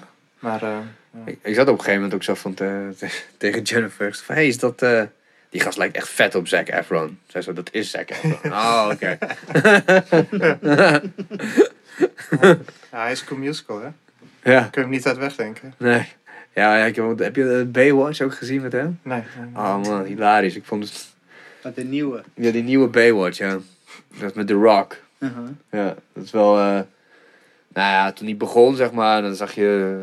Zo heel overdreven, zo in beeld. En toen Hm. op een gegeven moment kwam zo bam, Baywatch. Er sprongen twee dolfijnen, die kruisten. Ja, ja. Weet je Toen dacht ik van, ah, oké. Dit is wel... eh, Ja. dit is wel top, maar het was uiteindelijk echt een vette kutfilm. Ja, Maar, toch wel? ja. Oh. Ja. ja, het is wel heel grappig. Ja. Maar eigenlijk ook niet echt heel grappig. Het was meer zo van, kijk, we zijn wel echt heel grappig. Ja, precies. Ja, een beetje Ja. over de top. eh, Ja. ja. En aan het einde komt natuurlijk eh, David Hasselhoff en Pamela Anderson. Die Ja, daar kijk je het gewoon voor. Ja, komt zij heel even in beeld. En dan, ja, dat is wel eh, dat je denkt van, ah, Pam. Ja. Dat is ook echt gewoon vergaan geworden. ja. ja, ja, shit. Ja. ja, al die lui, jongen. Gewoon, ik denk dat, wie, wie zou er nog het beste uitzien? eh? ik denk dan nog misschien nog wel, eh, Van de Baywatch crew. ja. Ik vind Hasselhoff nog wel goed bewaard eh, in principe. Die man die heeft toch wel... eh, Ja, daar heeft hij wel heel wat voor betaald. ja, hij heeft hij zelf in, natuurlijk. maar eh, ja, weet niet. Als je, als je de hele crew bekijkt, vind ik... ja, maar het is ook een iconische fan natuurlijk. Dus ik heb Ja. veel, veel liefde voor David Hasselhoff. ja. Heb je hem gezien in de Spongebob eh, film? Nee. Dat, is een, eh, dat moet je een keer opzoeken. Er is een scène dat eh Spongebob en, ehm, en, die, en die ster Patrick... dat ze dan samen op zijn rug gaan surfen. Oh, Dat echt? is echt fantastisch, ja. Oh. Want Want ik- ik weet niet, ze zitten in de shit of zo. Ze zitten ergens in de zee, ze zitten in de shit. En dan komt David Hasselhoff op het allerlaatste moment komt hij eraan. En dan, eh, dan gaat hij ze, ze vervoeren naar de andere kant van de zee of zo. Wow, wat sick. Op, op zijn rug gaan surfen. Dat is super grappig. Ja, maar die vet is sowieso. Ik bedoel, ik, ik heb echt heel veel respect voor die, voor, voor die 80s action heroes. Want ja, Hasselhoff is dan wel een beetje zo'n B-action hero, zeg maar. Ja, of zit hij er net tussen de A en de B in? Dat, ja, dat, het is eh, wel B, denk ik. Ja. Ja. Maar die hebben allemaal, sommigen hebben gewoon heel duidelijk gekozen voor om zichzelf dus niet serieus meer te nemen. En dan Ja. gewoon hele lijpende reclames te maken. Zoals. Jean-Claude Van Damme, die voor, voor eh, hoe heet hij nou? Voor eh, een of andere bier of zo. Oké. Cool. Daar hoor je weinig meer van, toch? Jean-Claude Van Nee, nee, nee, die maakt nog vette films. Die maakt echt best wel vette films. Laatste tijd ook nog? Ja, die heeft eh, Universal Soldier 4 en 5 heeft hij gemaakt. En dan klinkt dat heel fout, maar eigenlijk zijn ze best wel arty. Oké. En dan is hij ook echt, gewoon echt een vet geschrifte motherfucker. Heel even heeft hij dan zo'n rol, maar dan wel echt een hele dominante rol. Voor, Ja. en voor de rest is echt heel erg, nou ja, ja bijna arthouse action. Het is nog wel action, maar het is ook wel echt ja, dat je, je snapt niet per se hoe het allemaal in elkaar zit. En dan, dan hoeft ook niet. Dan. Nee, oké. Zo, maar dan word je heel nou, Zou je niet zeggen met zo'n titel als Universal Soldier 4? vier. nee, precies. Ja, dat zou niet. Nee, nee, nee. En eh, ja, hij heeft natuurlijk ook een reality-serie gehad. Oké, Ja, je bent goed op de hoogte. ja, ja, ja, ja. We hebben altijd, ik, ik woonde met een van mijn beste vrienden eh, in huis. En die, eh, die, die was altijd Jean-Claude Van Damme fan. En ik, eh, ik ben Arnold Schwarzenegger fan. Ja. Dus wij eh, gingen ook tegen elkaar opbieden, zeg maar. Zo. Wie zou er winnen dan in een gevecht? Ja, Arnold natuurlijk. He's a machine. Hij kon, niet, kon niet goed, goed vechten ook. Dat hoeft toch ook niet, dat pakt nog op. Dat is ook zo. Ja, ja. Stom voor mij. Ja. Hey, Come on, he killed the predator. Hij kan echt wel eh, Jean-Claude Van Damme zijn ass kicken. Ja. Fun fact trouwens, dat... eh, eh, ken je de film The Predator? Mhm. Eh, nou, dat beest of die predator, die alien, hoe die eruit ziet. Eh, dat was niet altijd zo. Dat, dat, toen helemaal in het begin, eh, toen ze al die beelden aan het schieten waren, toen, wat, ja, toen, zat er ook iemand in een pak, zeg maar, die dat, aan- aan, die dat aan het doen was. En het was gewoon Jean-Claude Van Damme. Oké. Ja. Ja. En uiteindelijk toen, dus is hij er gewoon uitgeknipt dat het er gewoon niet uitzag. en, toen, en toen heeft het heel lang stilgelegen. En eh, toen op een gegeven moment kwamen ze dus met het ontwerp van die, van die, van die alien. Maar toen was Jacques van Damme al met andere dingen bezig. Ja. Dus toen hebben ze zo'n hele grote zwarte man hebben ze er- er- erin ge- ingezet. Ja. En, die, en, om- en om hem even een beetje credits te geven, dat is de dude als ze in de chopper zitten, helemaal in het begin, die zegt van, jullie gaan zo meteen eh five minutes before, before landing of zo. Dat is die dude. Oh, ja, ja, ja. ja. Ja. Ah. Ja, dat is echt een gigantische gast. Ja. ja, gruwelijk jongen, dat je ook die, dat soort special effects of zo, eh, ja, dat moest ook echt gewoon gemaakt worden. Het is niet Ja, meer het zijn echt CGI. practical effects, hè? Ja, ja. ja, inderdaad. Ja. Ja, dat is goed. sick. Ja, nog steeds maak je daar eigenlijk de beste films mee. Als je niet gebruik maakt van computertechnologie, maar iets wat je gewoon zelf bouwt, kostuums, sets, dat soort dingen. Heb jij helden als Arnie? Of niet per se? Nee, ik had vroeger, toen ik opgroeide, dat ik helden. eh, met echt mensen waar ik naar omhoog keek en dacht, van, ja, ik wil net zoals hun zijn of ik wil dezelfde kwaliteit hebben, maar ik ben er op een duur mee gestopt. En het klinkt misschien heel arrogant, maar ik heb op een duur gedacht, van, ja, ik wil eigenlijk gewoon mijn eigen held zijn. Waarom zou ik constant moeten omhoog kijken naar iemand anders? Dan kan Ja. ik niet gewoon tevreden zijn met mezelf en gewoon het beste uit mezelf proberen te halen op mijn eigen manier, in plaats van iemand anders te willen zijn. Ja. Dus eh, ja. Ja, je hebt eh, zo'n eh, zelfhulp, eh, of niet zelfhulp, je hebt zo'n zo'n American eh, slogan. When your idols become your rivals. dat, dat punt Ja. had je bereikt. Ja, ja. Ja. Maar wie, tegen wie keek je op dan? Ehm, ik, vroeger vond ik eh, Matthijs van Nieuwkerk een, eh, een mooie vent. Want eh, nou, ik heb nog een jaar journalistiek gestudeerd. En Ja. het, wa- het was vroeger een beetje mijn idee om, om talkshow-presentator te worden. Dus Kijk, nou, dan kwam heel snel bij hem uit natuurlijk. Ja, Het is gewoon, de man ziet er goed uit. Hij is richting de 50, maar hij ziet er gewoon goed uit. En was, iedere dag zit hij daar wel, weet je. En Dat vond is waar. Vet. Zijn werkethos ligt echt hoog. Ja. Dat is gewoon... ehm, het, het, het ziet er ook uit alsof hij met iedereen kan omgaan. Het maakt niet uit wie die tegenover hem heeft zitten. Hij, hij kan met iedereen praten, dus dat vond ik ook interessant. Dus eh, nou ja, dat, dat, dat, eh, dat is Ja. wel nice.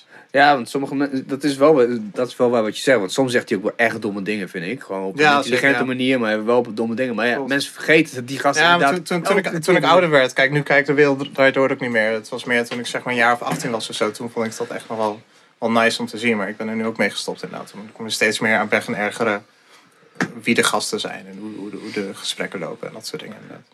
Ja. Veel ook van dezelfde gasten ook. hè. Veel van dezelfde gasten. Vooral die, die tafelheren. Ja, ook als je, precies. weet, als je ziet wat ze ervoor betaald krijgen. Dat het een keer 5.000, 6.000 euro is per avond. Is echt waar? zo? Het is gewoon een vaste baan voor sommige van die mensen. Oh, wow. Dus dan Oh, dat wist ik niet. gaat de geloofwaardigheid van zo'n programma ook alweer Ja. snel ja, achteruit. ja, ja. En moet je nagaan dat toen Sylvana dus die, eh die dude tijdens de Wereld Draait Door confronteerde met zwartjes, zeg maar. Dat, Ja, eh, de- ja. Nou, dat is eigenlijk toen al een soort van haar vaste baan van, van 5000 euro per avond. Zo, zo van later. Mhm. Dat is best wel sick eigenlijk. Ja. Ik weet niet of zij 5000 euro kreeg. Nee, het verschilt ook heel erg per, per gast, eh, per tafelheer of Ja. dame, Ja. wat het bedrag is. Maar ze krijgen er wel redelijk wat geld voor per avond. Dat Ja, wel- dat wist ik ook niet. Hè. Ja, gruwelijk hè? Nee, ik ben wel eens te gast geweest daar twee keer. En hij is ook echt een hele aardige vent inderdaad. Hij zorgt dat je heel erg welkom bent. Eten is echt heel goed backstage. Je zit daar, je voelt je gewoon echt helemaal... Wat heb je gedaan dan? Eh, met Ish was een keer, eh, twee, twee keer nou, een stukje gespeeld daar eigenlijk. Gewoon. Ja. Klein showtje gedaan. Oh, wat vet. En ja, was toen met eh, toen Obama, presidentschap van Obama. Daar hebben we een soort mini-optreden georganiseerd. Dat gaat ook allemaal echt hectisch aan toe, jongen. Hey. Zo vind ik, we hadden echt twee dagen, nee, één dag om dat in elkaar te zetten. En we waren ook in België voor een show. Zo van, oké, jullie moeten straks naar Amsterdam om die show te doen. Ja.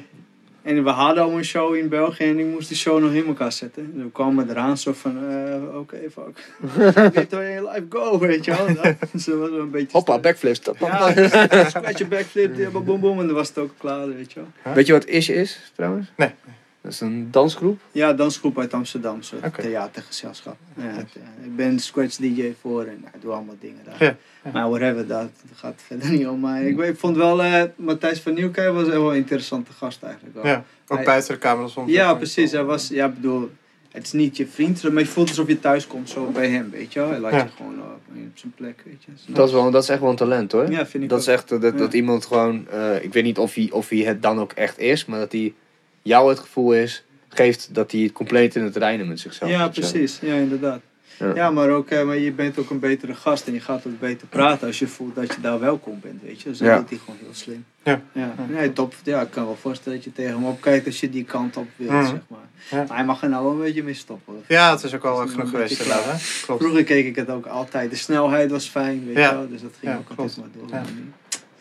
Ja. Ik denk dat het altijd een beetje het probleem is van, van zo'n snappy, eh, gevatte show of zo. Dat is juist omdat het zo snel gaat, net als bijvoorbeeld, ik denk dat jij het ook met je columns ook wel hebt, dat je al, eh, ja, je kan maar zo vaak hetzelfde trucje doen. Ja. Zeg maar. Want dan moet je weer binnen die 400 woorden een ander trucje gaan Ja, precies. uitvinden. En voor mij is het wekelijks natuurlijk. Dus Ja. jij doet het dagelijks. Ja. Dus eh, ja, en moeilijke onderwerpen die je zo snel aan moet eh, snijden. Ja, even, ja, precies. Ja. Even versimpelen. Kom even het universum even vertellen. 3, 2, 1. Je hebt nog één minuut te gaan. Tik, tik, tik. Weet je wel. Zo van, nou, jammer, maar. Ja. Ja. Ja, moeilijk. Ja, ja. Nou ja. Waar hadden we het over? Oh ja, helden. Oh ja. Ja, wil je nog meer weten? Nee, ik wil nog meer weten. Heb je nog genoeg bier trouwens? Maar ik zit wel tegen de bodem aan. eh. Oké, zal ik je even mijn... eh, want, want ik heb ooit een IPA-test toen ik nog dronk. Hebben we met, eh met Hans en Mag een IPA-test gedaan. Ah ja, En dan geef ik je nu de number one van. oké. Jouw number one, of gewoon number one van de test. Van de test. Oké. Nice. Hier, wil je een biertje? Oh, nee man, dankjewel. Geef wel de melk, weet je. Dit voor het kind. Ja, ja. Verstandig. Blijf zuipen, weet je. Ja, maar ik weet niet man, als je het hebt over helden, dan eh, wat ik net zei, het is voor mij al lange tijd geleden dat ik daar überhaupt mee bezig ben geweest. Dus eh, Want jij hebt wel echt een duidelijke held, zeg maar. Arnie is echt jouw held. Ja, Arnie is mijn held, maar dat komt omdat het gewoon zo'n fucking... Het gaat gewoon om de manier waarop je je shit aanpakt. Ja, ja. Hij is meer een voorbeeld dan een Voorbeeld. held. of zo. Is, dat, is, er, is er Ja. ook überhaupt een verschil tussen die twee? Ja, ik denk dat... Ik, ik heb tegen mezelf gezegd, ik wil gewoon de Arnold Schwarzenegger zijn van, de, van het literaire circuit. Hm. In de zin van, die fan die komt uit een of ander gat in Oostenrijk, waar gewoon geen stromend warm water was. Ja. Eh, met een, een vader die politiechef is eh, na de Tweede Wereldoorlog. Echt gewoon nare omstandigheden. En ehm, hij ziet op een gegeven moment een, een, een- in dat bioscoopje wat ze daar in dat een paar dorpen verderop hebben, ziet hij Hercules, de movie. En daarin zit, ehm, ik kom even niet op zijn naam welke, welke bodybuilder, maar die speelt Hercules. Dus echt zo'n vet gespierde gast, heel groot, een Zuid-Afrikaan. En ehm, hij denkt dan gelijk op zijn zevende of achtste, denkt hij van, dat wil ik zijn. Weet je wel? Ik wilde gewoon de grootste motherfucker op de wereld worden. Gewoon een extreem debiele, debiel idee, zeg maar. Zo van, dat je dan, als mensen zeggen, ik zou echt niet, eh, ik vind dat echt lelijk. Dat je denkt van, ja, maar dat is het ook. Maar het is gewoon een compleet krankzinnig idee. Dat je gewoon de meest gespierde dude op de wereld wil ja, worden. ja. ja, het is hem wel gelukt. Ja, dat is hem voor die tijd wel gelukt. Maar dus die, die wist al op zijn achtste wat hij wilde. En dus die daar naartoe gaan werken.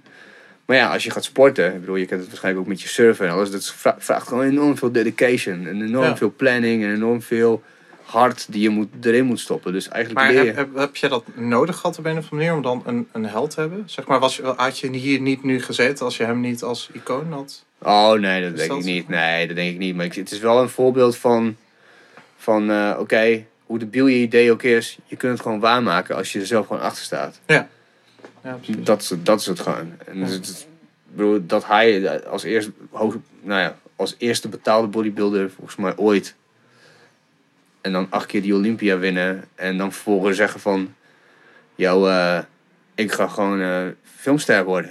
En iedereen denkt van... Yo, gast, the fuck's mis met jou? Ja.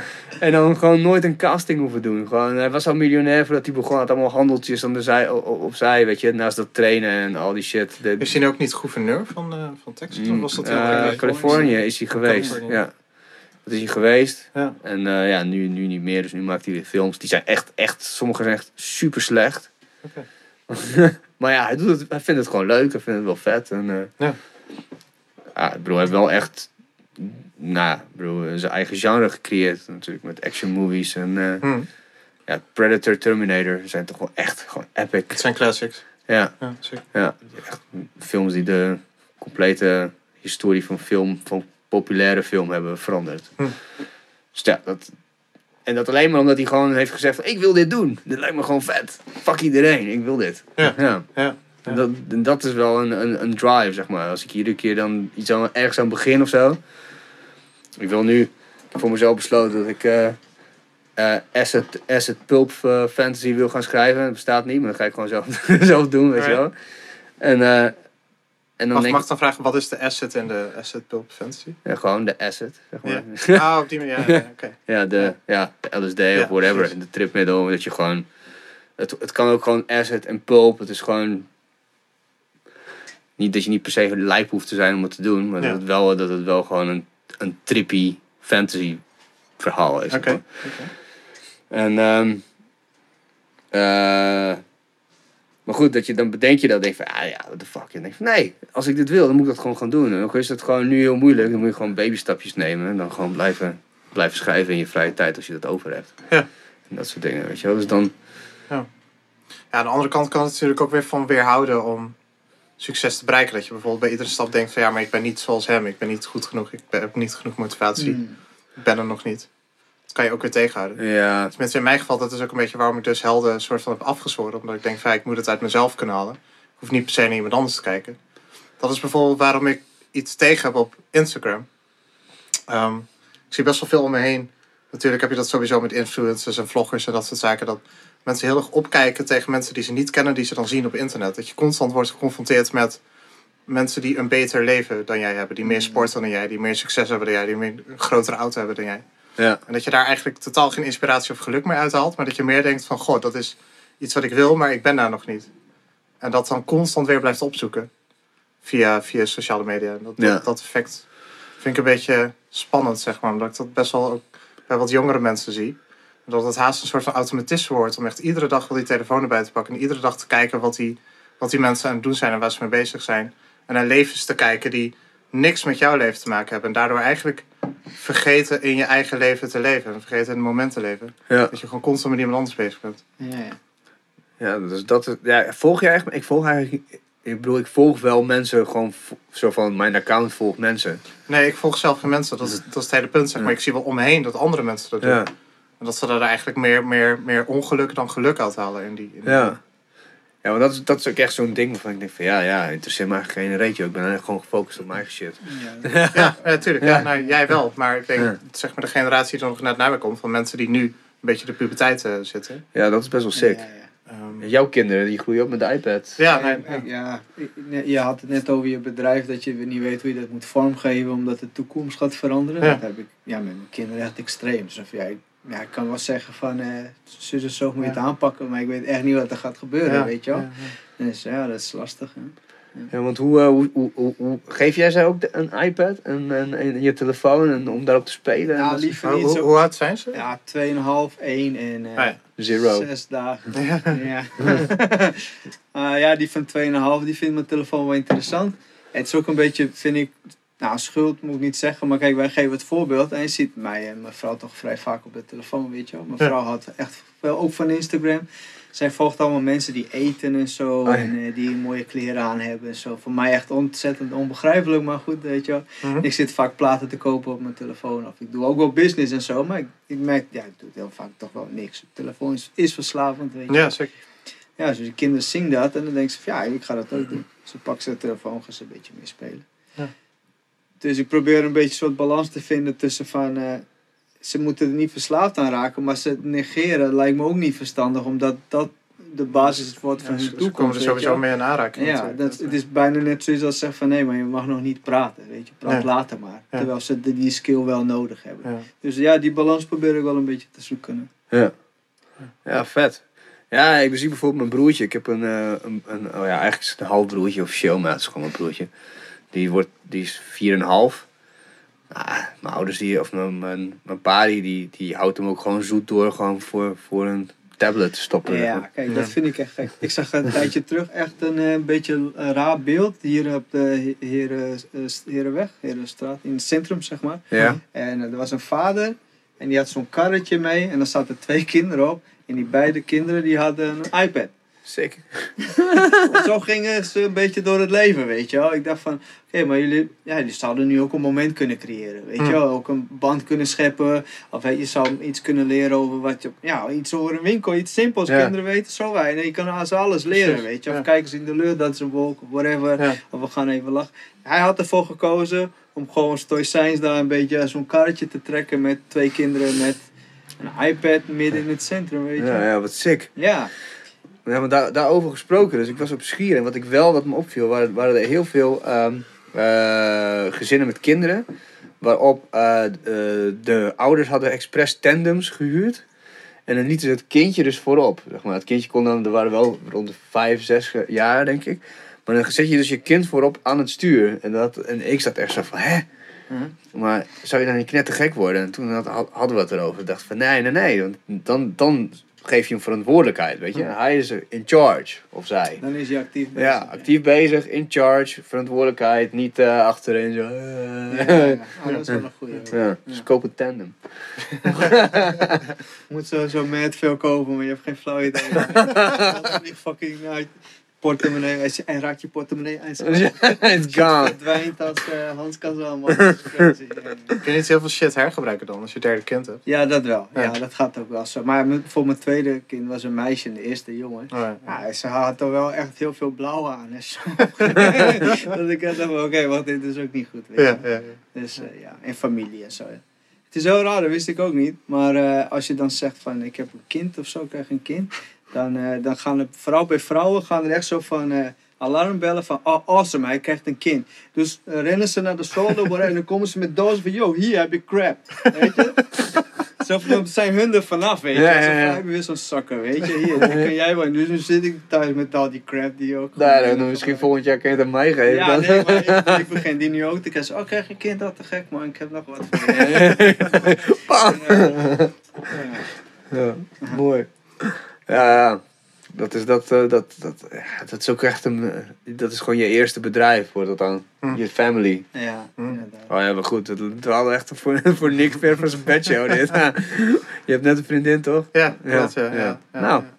Misschien, eh, je weet maar nooit, joh. Ja. Irene heeft nog wel wat shit staan thuis. Ik bewaar het heel lang hoor, maak je niet druk. Hij komt me aankloppen wanneer het is. Dat is goed, man. Ik weet het te vinden. nou, wat, eh, eerst nog maar even afstuderen. Want wat, eh, ja, wat- precies. twee weken zei je nog. Wat, eh, wat moet je nog allemaal doen? Nou, ik, ehm, ik, ehm, ik ga nu voor mijn derde kans.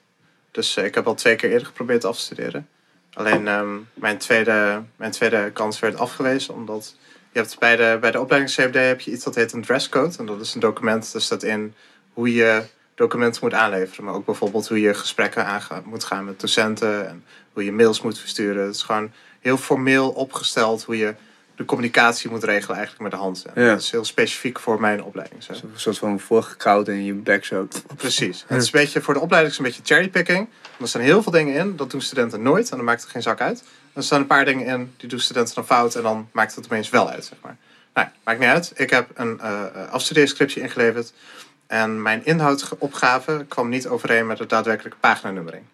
Dus dat is wel gewoon een fout, zeg maar. Als je bijvoorbeeld kijkt, hoofdstuk 1, pagina 10, stond er pagina 8 of zo. Dat was gewoon een slordigheidsfout. Ja. Eh, en ik had mijn bijlagen niet genummerd. Dus bijlagen hadden geen nummer 1, 2, 3, 4, 5, 6. En ehm, in mijn bronnenlijst had ik een aantal stukken niet schuin gedrukt, waar het wel schuin gedrukt wordt staan. Nou, volgens die dresscode moet het dus allemaal wel. Ja. Ehm, dus mag mijn docent het niet nakijken. Mijn afstudeerbegeleider mag het niet nakijken. Omdat die dresscode is dus een randvoorwaarde. En als je, zijn iets van vier of vijf randvoorwaarden. Als je daar niet aan voldoet, mag een afstudeerbegeleider niet nakijken. Ehm, wat dus gek is, want kijk, Ja. ik snap dat wel, maar in mijn geval is het zo dat ik, ik, het kost 10 minuten de tijd om het aan te passen. Het is Mhm. letterlijk even de bijlage nummers geven, shit schijngedrukt neerzetten en wat paginanummers aanpassen. Maar daarvoor ben ik nu al anderhalf maand bezig met een nieuwe kans krijgen. Dus langs de examencommissie, langs het decanaat. En opnieuw die shit inleveren, nieuwe presentatieronde, nieuwe aanvraag, alles. Dat duurt Nieuwe gewoon... presentatieronde, als, wat, wat, wat houdt het in? Nou, je moet een, een aanvraagformulier invullen voor een presentatie. En dan word je in een presentatieronde gestopt. En dan mag je uiteindelijk je afstudeerscriptie presenteren. zeg Ah maar. ja, Maar dat is ook allemaal, dat moet je weer regelen, zeg maar. ja. Dus in principe had ik zoiets gehad van ja, weet je, ik snap dat je mij afkeurt na mijn tweede kans. Maar had even gezegd van, joh, pas dit aan. 10 minuten de tijd, lever het opnieuw in. Is klaar. Mm. Wel? Maar dat, dat gebeurt niet. Dat is heel, dat, dat, ja, je zou bijna zeggen van, eh, nou, ik zeg niet dat het zo is, maar A, dat, dat, je kan het ook een beetje beide kanten op zien. Hè? Dat als ik een docent was en ik, ik heb het fucking druk, eh, dan kijk ik en ik zie dan, oh, dit klopt niet. Yes, ik hoef niet na te kijken. Hmm. dan gooi je het aan de, aan de kant. Want ja, je Ja. wil iets beters te doen. Klopt, maar aan de andere kant word je ervoor betaald. Dus doe even normaal. Ja, ja, ja, ja, oké, maar ik, ik, zeg, ik zeg even, advocaat van de duivel, dus dat. Dat, dat zou je kunnen doen, zeg maar. En, ehm, ja, en stel dat dit in augustus was gebeurd, bijvoorbeeld. Hm. Of dus je derde kans is je laatste kans. Ja. Dan moet je dus in een nieuw jaar beginnen.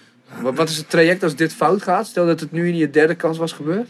Ehm, nou, in principe krijg je maar twee kansen. Dus die derde kans, dat is al een, een, een speciaal iets. Omdat ik langs de examencommissie ben gegaan. Ja. Ehm, en ik ben langs de decanaat gegaan, dus het is ook weer een hele bureaucratische structuur. Dus je gaat eerst langs de decanaat en dan ga je daar met een persoon praten. En die persoon die gaat dan beoordelen of je wel of niet eh, voldoende redenen hebt gegeven om kans te maken op die derde kans. Ja? Ja. En een decanaat die verstuurt dan een aanbeveling naar de examencommissie. En de examencommissie die zegt dan weer van oké, je mag wel of niet een derde kans. Dus ik heb dat vandaag te horen gekregen van oké, je mag een derde kans krijgen. Gefeliciteerd. Gefeliciteerd. En eh, dan ga ik dat inleveren. Maar anders had ik inderdaad een half jaar overnieuw moeten doen. ja. En dat betekent dus een half jaar extra studiegeld betalen. Maar ook, Precies, dat wil, daar wil ik maar naartoe. ook zeg maar, een half jaar extra gebruik maken van, van de faciliteit van de handen. Want studeren kost natuurlijk meer voor... Kijk, ik krijg heel veel subsidie om te studeren. Ik betaal 1800 euro per jaar. Maar er zit nog heel veel geld achter wat gewoon gesubsidieerd wordt. Ja. En het is gewoon ontzettend zonde om iemand een half jaar langer te laten afstuderen voor iets wat 10 minuten de tijd kost om aan te passen. Ja. Ja. Dus het zijn dat soort kleine dingetjes waar je dan soms tegenaan loopt. Dat je denkt, ja, kan dit niet makkelijker? Kan dit niet op een soort van meer menselijke manier worden geregeld? Ja, want we hebben het, we hebben het wel eens eh, over gehad. Zeg maar. Toen laatst gingen we naar een eh, congres eh, voor jo- eh, journalisten. En toen zei je van, eh, we hadden het hierover. En je was echt super pissig, weet ik nog wel. Ja, klopt. En toen zei je van, dit is ook niet de eerste keer dat me, dat me zo'n fucking loer wordt gedraaid door die... ja, nou ja, goed. ehm, de opleiding zelf zit ook niet helemaal lekker in elkaar. Omdat als, als student krijg je niet heel veel kans om je uit te spreken over wat er precies misgaat binnen de opleiding. Ehm, eh, toen ik begon aan de opleiding, eerste jaar CMD, toen eh, was het curriculum nog heel anders. Omdat daarvoor was het zo dat heel veel eh, diploma's onterecht werden uitgereikt. Omdat de opleiding zelf eigenlijk niet als goed werd beoordeeld. Daar kwamen Oh, ze achteraf achter. Dus diploma's die werden, toen werden uitgereikt, die waren eigenlijk veel minder waard. Dus in mijn eerste jaar besloot ze om dat hele curriculum om te gooien. Dus ik was eigenlijk een soort van proefkonijn van een nieuw curriculum. En dat merkte ik al gelijk in het eerste blok. Want in het eerste blok waren ze nog bezig aan het schrijven van de tentamens van dat eerste blok. Mm. Dus de beoordeling moest nog worden gemaakt terwijl ik eigenlijk al bezig was met de opdrachten. Dus stel je voor, dan heb je een opdracht, daarmee stap je naar een docent toe. En de docent die zegt eigenlijk van ja, ik weet niet zo goed hoe ik jou hierop moet beoordelen. En die overlegt dat met een andere docent en die overlegt dat weer met een andere docent. En daar komt een soort van mengelmoesje uit. En dan kun je dan je eigen pitje nog overheen doen. Als je dan mondig genoeg bent, en gelukkig ben ik dat, kun je daar een hoger cijfer uitstrepen. Maar ik heb het ook gezien van andere studenten, die, die, die waren niet mondig genoeg en die kregen bijvoorbeeld een onvoldoende. Voor iets wat eigenlijk niet helemaal een eigen fout was, omdat ze gewoon verkeerd werden ingelegd. Omdat, omdat de beoordeling, de criteria voor de beoordeling zijn ontzettend vaag. Ja. Is dat nog steeds zo, denk je? Nee. Ik, ja, nou, ik kan het doortrekken naar mijn afstudeeropdracht. is bijvoorbeeld, eh één criteria is, ehm, ik moet onderzoeksvragen opstellen. Ik hou het even heel simpel. Ik moet onderzoeksvragen opstellen, dat moet je bij iedere afstudeeronderzoek doen. En een van de criteria is, de onderzoeksvragen zijn goed opgesteld door de, door de student. Maar wat is goed, weet je wel? En een, een ander criteria is voldoende. Dan heb je dus een mate voldoende, goed en uitmuntend. Of. Ja. Maar dat is dan echt volledig aan de willekeur van de docent die het nakijkt. Wat, wat goed is of wat uitmuntend is. Weet je wel? Ja. Of, of de student heeft de hoofdvraag voldoende omschreven of voldoende uitgewerkt. Voor die dingen dat je als je het leest, denk je als student van ja, ik, ik snap wel dat ik gewoon mijn best moet doen en dat ik het goed moet doen. Maar hoe kan ik, hoe kan ik precies aan die 8 komen of aan die 9 komen? Van dit zei ik wil gewoon een voldoende hebben. Hoe kan ik daar precies aan voldoen? Ja. Dat is ook wat je als student wil weten. Je wil gewoon duidelijke, heldere criteria. En die zijn er niet. Het is allemaal ontzettend vaag. Natte vingerwerk, zou je Natte zeggen. vingerwerk, zeker. En is het dan ook zo als je dan eh, meer een favoriet bent van een docent, dat je dan sneller door je dingen komt? Of? Ik zou het niet per se favoriet van een docent willen noemen. Ik zou het meer willen gooien op wat ik net zei, die mondigheid. Als Ja. je zelf nog een beetje uitlegt van nee, maar ik heb mijn opdracht zo en zo bedoeld. En ik heb, ik heb dit, dit, dit op deze manier geïnterpreteerd. Als je, als je zelf nog persoonlijk een verhaal bij kunt houden. Ja. Dat je dan wel daadwerkelijk meer kans maakt op een hoog cijfer of op een voldoende. ik, ik, ik denk niet dat docenten echt voorkeur heeft voor een bepaalde student. Of, eh, Nee. Nee, want Nee, ik had... dat- eh, ik zou het echt niet... Ik mo- moet er niet aan denken dat ik dat bij mijn universitaire docenten had gedaan vroeger. Die lachten je dan uit. Nee, fout is fout. Ja. Ja, zo van ja, sorry man. Ja. Klopt niet. Maar daar waren de regels ook wat, wat helder opgesteld. Ja, ja, ja, ja, ja, absoluut, absoluut. Dat je, dat dit is, ja, you're, you're negotiating. Ja, hustelen. precies. Je bent aan het hustelen. En in principe, ik vond het zeg maar drie jaar lang best wel prima. Want het maakt je opleiding ook wel redelijk simpel, zeg maar. Omdat je altijd een beetje kunt spelen met, met de resultaten en, en met de verwachtingen. Maar dan kom je in je laatste jaar, dan moet je afstuderen. En ik heb opeens een afstudeeropdracht gekregen die eigenlijk geen ene flikker heeft te maken met waarvoor ik word opgeleid. Mijn afstudeeropdracht is het maken van een digitaal interactief product. En, En ik- ja. Mijn opleiding is Communication Multimedia Design. Dus ik word opgeleid tot eigenlijk reclame maken. Dus je leert een beetje eh, eh, ontwerp, grafisch ontwerp. Je leert webdesign. Je leert fotografie, je leert video. Je leert voornamelijk ook campagnes draaien. ja. Maar je leert niet een digitaal interactief product te maken. Wat eigenlijk apps bouwen is. En dan trekt ze het heel breed. Dan zegt ze nee, je hoeft niet per se een app te maken. Maar noem mij iets wat een digitaal interactief product is. Wat geen applicatie is of een webapplicatie. Maar een prototype moet je maken dan toch? Ja, een prototype ja. Ja. Maar wel van een digitaal interactief product. Ja. Maar een, een pro- ja, tenminste hoe ik, hoe ik het bij mijn stagiaires heb gezien, is dat dat dan zo vrij inter- interpretabel is dat je eh, wegkomt met een eh, het zou zo moeten zijn en dit is hoe het eruit moet komen te zien. Maar ik kan zelf niet programmeren. Dat klopt. Ja. Ja. Maar dat, dat, dat maakt in principe niet uit, omdat het gewoon niet is waarvoor we opgeleid zijn. Precies, geen reclamecampagne of zo. Of Geen reclamecampagne. Nee, had, had mij een, een opdracht gegeven van nou, maak voor een bedrijf, of het nou fictief is of niet, een reclamecampagne. En bedenk daarbij drie communicatiemiddelen om dat te presenteren aan deze en deze doelgroep. Snap je? Dan, dan, daar ben ik voor opgeleid. En dat kan ik en dat vind ik leuk. Ja. Maar ik heb nu onderzoek gedaan naar een content management systeem. Snap je? Ik, Ja. heb, ik heb mijn afstudeeropdracht doe ik bij Fitbrand. En Fitbrand die heeft klanten uit eh, heel Europa. En het idee was dat Fitbrand die had behoefte aan een applicatie waarmee ze konden communiceren met hun klanten.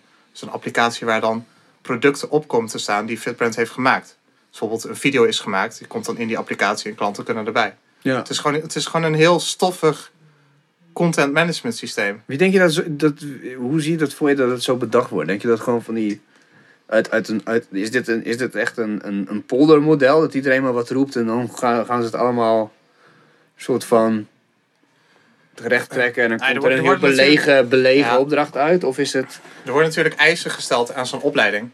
En wat mij is verteld, en ik weet niet of het allemaal waar is, maar ik heb wel veel met docenten gesproken, is dat onze opleiding ehm, te veel leek op die van Minerva, zeg maar. Het was een, een te veel vrije, kunstzinnige opleiding met het grafisch ontwerpen, dat soort zaken. En daarom zou het meer verschoven moeten worden naar het technische domein, zodat die subsidies zouden blijven gelden. ah ja Mm. Makes maar dat sense. is dus nog in mijn studieperiode gebeurd. Dus opeens ging ik van een redelijk creatieve ehm, communicatieopleiding naar een heel erg technische opleiding. Snap je? En dat, Ja. dat, is, dat is wat mij heel erg stoort in mijn afstudeertraject. Is dat ik, ik, ik doe niet een afstudeeropdracht waarvoor ik ben opgeleid. Het, het is niet meer de opleiding waarvoor ik heb gekozen ja als, als afgestudeerd VWO-student. Mm. Snap je? Ik, Ja. ik ging kijken naar opleidingen en dacht van ja, dit vind ik vet. En het eerste, tweede jaar vond ik het super vet. En dan het derde jaar Wat- wat- stage doen, een minor doen. En dan het vierde jaar denk ik van nou, wat is mijn afstudeeropdracht? En dan moet je een applicatie bouwen. En denk je, wel, what the fuck? Hier weet ik helemaal niks vanaf. ja, ja, En dan word je wel keihard op afgerekend. Ja. Weet je wel? Op, op zaken waar je eigenlijk geen verstand van hebt. Dan denk je van ja, en dan ga je wel mee in dat hele proces. Want ja, je wilt toch je diploma halen. Je hebt geen keus. Je kunt niet ermee zeggen van ja, flikker op, hier doe ik niet aan. ja. Want dan kun je een hele andere opleiding zoeken. Zo werkt het niet. Dus je moet wel gewoon datgene maken wat zij zeggen. Dus je, ik, ik, ik heb me de afgelopen jaar ook heel erg in een, in een hoek gedrukt gevoeld. Omdat ik, ja, ik, ik was niet vrij om te kiezen wat ik zelf zou willen maken. ja. ik kon niet stoppen met mijn opleiding. Ik kon niet iets anders doen. Ik, ik moet mijn diploma halen, maar ik moest afstuderen op iets waar ik geen snaars verstand van had. Snap Dat je? je, Dat toch... dat je psychologie gaat studeren en dan in één keer eh, een, een, een, eh, een mens moet ontleden of zo. Ja, nou ja, in principe. Ja, ja. Kijk, Ja. natuurlijk zijn er raakvlakken. Natuurlijk heb ik doelgroeponderzoek gedaan en ik heb personas gebouwd en ik heb dingen gedaan die ik wel heb geleerd tijdens mijn opleiding. Maar de opdracht zelf heeft gewoon niks te maken met mijn opleiding. Ja. En dat vind ik gewoon heel spijtig. Ja, omdat ik heb ook totaal geen plezier beleefd aan mijn afstudeertraject. Maar ik heb ook niet... Hetgene wat ik nu heb gebouwd, daar ben ik ook niet trots op. En in principe is je afstudeerproject is je magnum opus. Dat is je het ding waarmee je later echt kunt laten zien van... Kijk, dit heb ik gedaan, dit is vet. Dit is, hier heb ik een jaar aan besteed. En dit is waar ik trots op ben. Dat ben ik totaal niet. Ik heb het gemaakt. Ik ga het gewoon weggooien. Ik ga het niet gebruiken. Nee. Ik vind het gewoon niks. Ik, ik heb een magere voldoende waarschijnlijk straks. Ja. En daar ben ik ontzettend blij mee. Omdat ik dan eindelijk van die kutopleiding af ben. Ja. Ja, dat is ook wel heftig, eh, omdat... Ja, dus ja, meestal hoor je wel mensen van, ah, die, ik moet mijn studie afmaken, maar dan zijn ze toch altijd wel een soort van, van komen ze van halverwege hun studie van een koude kermis thuis, omdat het toch net even... Bijvoorbeeld, ik, ik, ik heb heel lang psychologie gedaan, want uiteindelijk bleek psychologie voornamelijk statistiek te zijn. Ja. Zeg maar, weet Ja. je? Oké, maar dat was gewoon zo. Dat kom je ook op, op een gegeven moment ook achter. Van, Ja. Ik moet dit gewoon kunnen om... Precies. psy- Of daar kun je van tevoren naar informeren. Precies, dus dat, dat, dat was dat. Maar, Ja. Ehm, maar het is heel maf wat jij zegt. Als je, ja, ik neem aan dat het gewoon wel, wel zo is wat jij zegt. Ehm, ook al weet ik niet precies hoe het zit. Maar dat er in één keer de regels worden veranderd. Dat er in één keer een, een bepaalde flip komt. Zo van oké, Ja, het is Jullie- niet per se zo dat de regels zijn veranderd, maar het curriculum is gewoon heel erg veranderd. Ja. Dus de opleiding zelf is heel erg veranderd. En, en dat begrijp ik wel, omdat je moet voldoen aan bepaalde voorwaarden om die subsidie te behouden. Maar ik vind het heel gek dat daar in totaal geen overleg is gepleegd met studenten. Bijvoorbeeld, had aan ons gevraagd van, nou oké, dit, dit zijn de problemen waarmee we zitten. We moeten meer verplaatsen naar het technische domein. Want anders krijgen ze geen subsidie meer of anders kan het niet. Wat zouden jullie willen kunnen doen? Wat, wat, wat, wat is een beetje de range waarin we kunnen gaan denken? Wat voor soort afstudeeropdracht zien jullie voor je? onderwaterlasser. Ja, maar weet je, dat is gewoon totaal niet met ons overlegd. En opeens krijgen we iets voorgeschoteld. Ja. Gewoon door de strot geduwd. En dan, dan, dan moet je daar maar... Maar kom, je, maar kom je er dan soort van gevoelsmatig achter? Of is het echt zo gecommuniceerd van... En nu moet het echt zo? Het is niet gecommuniceerd. is niet gecommuniceerd, Nee. echt nul. Ja. Toen ik in het derde jaar zat, vlak voor de zomer, had geen enkel van mijn docenten een idee wat wij zouden gaan doen. Qua afstudeeropdracht. Het enige, wat, het enige woord wat wel zeg maar, door de wandelgangen suisde was het interactief digitale product. En ik heb aan heel veel mensen gevraagd, heel veel docenten gevraagd. Niemand kon mij uitleggen wat dat precies was. En dat kreeg pas vorm in het vierde jaar. Ja, ja, ja. Snap je? Dus er is gewoon geen communicatie over geweest. Het is gewoon een beetje, Terwijl een communicatieopleiding is. het is een beetje, ja, het is een beetje paniekpolitiek wat dat betreft. Dus gewoon mensen hebben dat in het laatste moment een beetje bij elkaar zitten te rapen. En wat criteria tegenaan gesmeten en daar een curriculum van gemaakt. En dan, dan moet je daar maar als student mee leren omgaan. Terwijl, zeg maar, wat ik scheef vind is dat ik word afgerekend op, op een afstudeertraject wat gewoon aan alle kanten rammelt. Dus als ik iets verkeerd doe, dan denk ik zoiets van ja, maar hoezo ga jij mij afwijzen op iets waarvan ik denk dat, dat het aan jullie kant helemaal niet goed zit, snap je? Dus Ja. kijk, iemand zegt dat ik het niet goed doe, terwijl ze het zelf niet goed doen. Dus dat, dat voelt ontzettend frustrerend, omdat het daar constant, Heb je ze wel eens op aangesproken? Docenten? Constant. Of, eh, constant, ja. en wat is dan de repliek die je krijgt? Ehm, docenten hebben, die, die, die leven al mee, maar die zitten zelf ook een beetje in hetzelfde schuitje. Heel veel docenten die hebben hier ook niet voor gekozen. Het komt een beetje vanuit het managementteam en nog weer hogere niveaus. Die hebben besloten dat het zo gaat. Want het is een heel bureaucratisch proces. Ehm, dus heel veel docenten hebben wel zoiets van ja, we vinden het spijtig, maar het, is- het is nou eenmaal zo. Ja. Weet je wel? En die docenten die zitten er over een jaar nog wel en over tien jaar sommigen nog wel, weet je wel? Dus die kijken er ook heel anders tegenaan dan ik, die er over een half jaar weg is. ja. Snap je? Dus Ja. Die nu even met die shit moet kampen. En dan, ja, eh, ja, dus docenten die, die gingen er wel sympathiek mee om, maar die hadden ook wel zoiets van, ja, sorry, we kunnen niks aan doen, dus ja, the way. doe, doe het nou maar gewoon. Ja. Wat ik ook heel goed begrijp hoor, weet je, ik neem de meeste docenten helemaal niks kwalijk, die hebben zich echt heel welwillend opgesteld en die hebben alle mogelijke manieren aangegrepen om wel studenten te laten zien van, nou, dit is hoe je ermee kunt omgaan of dit is hoe je het kunt invullen. Dus die hebben ons voldoende handvaten aangereikt, maar alsnog zit je gewoon met zo'n kutopdracht waar je in principe niks mee kan. En ik heb het ook met heel veel van mijn medestudenten erover gehad en iedereen kijkt er hetzelfde naar. Iedereen vond het gewoon een verschrikkelijk traject. Maar je kunt toch staken of zo? Of iets dergelijks? Of iets. Dat zou je zeggen, ja. Ja, Ja. Dat, is, dat is ook al in ons opgekomen. Maar op een of andere manier is er binnen de opleiding een soort van sfeer gecreëerd waardoor je als student niet heel erg kan uiten, durft te uiten. Ik weet niet wat het is. Ehm, maar dat, dat is gewoon helaas niet gebeurd. En ik hoop dat het, dat het alsnog gebeurt, want er gebeuren heel veel dingen die gewoon niet kunnen, naar mijn mening. En dat is natuurlijk makkelijk praten, want ik zit hier nu en ik ben zelf ook niet in opstand gekomen. Ja. Maar ehm, ik hoop dat het alsnog een keer kan gebeuren. Ja, want, ja, hoe zat het bij jou eigenlijk bij de popacademie? Nou, ik, ik zat echt, ja, verbazingwekkend is het ongeveer hetzelfde idee. En ik was de allereerste lichting van Popacademie Leeuwarden. nou, opa, ook de eerste. Van Minerva. En wij, ik voelde me precies een proefkonijn. Dat was echt letterlijk hetzelfde. En wij waren, als, we waren de allereerste klas daar. Dus er was nog geen tweede jaar, geen derde jaar. En laat staan vierde jaar. En hoeveel eindopdrachten, daar, daar was nog helemaal niet over nagedacht. En je voelde ook aan alles dat ze gaandeweg aan het schrijven waren terwijl jij daar al bent. Ik was toen nog in de tijd dat ik studie financierde, dat ik niet zoveel hoefde te lenen en dergelijke. Dus wij waren, wat dat betreft hadden we makkelijker, minder druk om het in één keer Ja, af te maken. ja. Maar ik herinner me heel goed, in het derde jaar dat ik daar zat, was alles veranderd. We hadden, we hadden heel duidelijk structuur. Zo, we hadden echt pianolessen, muziektheorie leerden we. En een beetje oude, ouderwets zou ik zeggen, lessen zeg maar. Van Mhm. die wist wat hij gaf en dat gaf hij dan aan ons. En persoonlijk hield ik daarvan. En op een gegeven moment kwamen ze met van die competentielessen, zeg maar, weet je wel.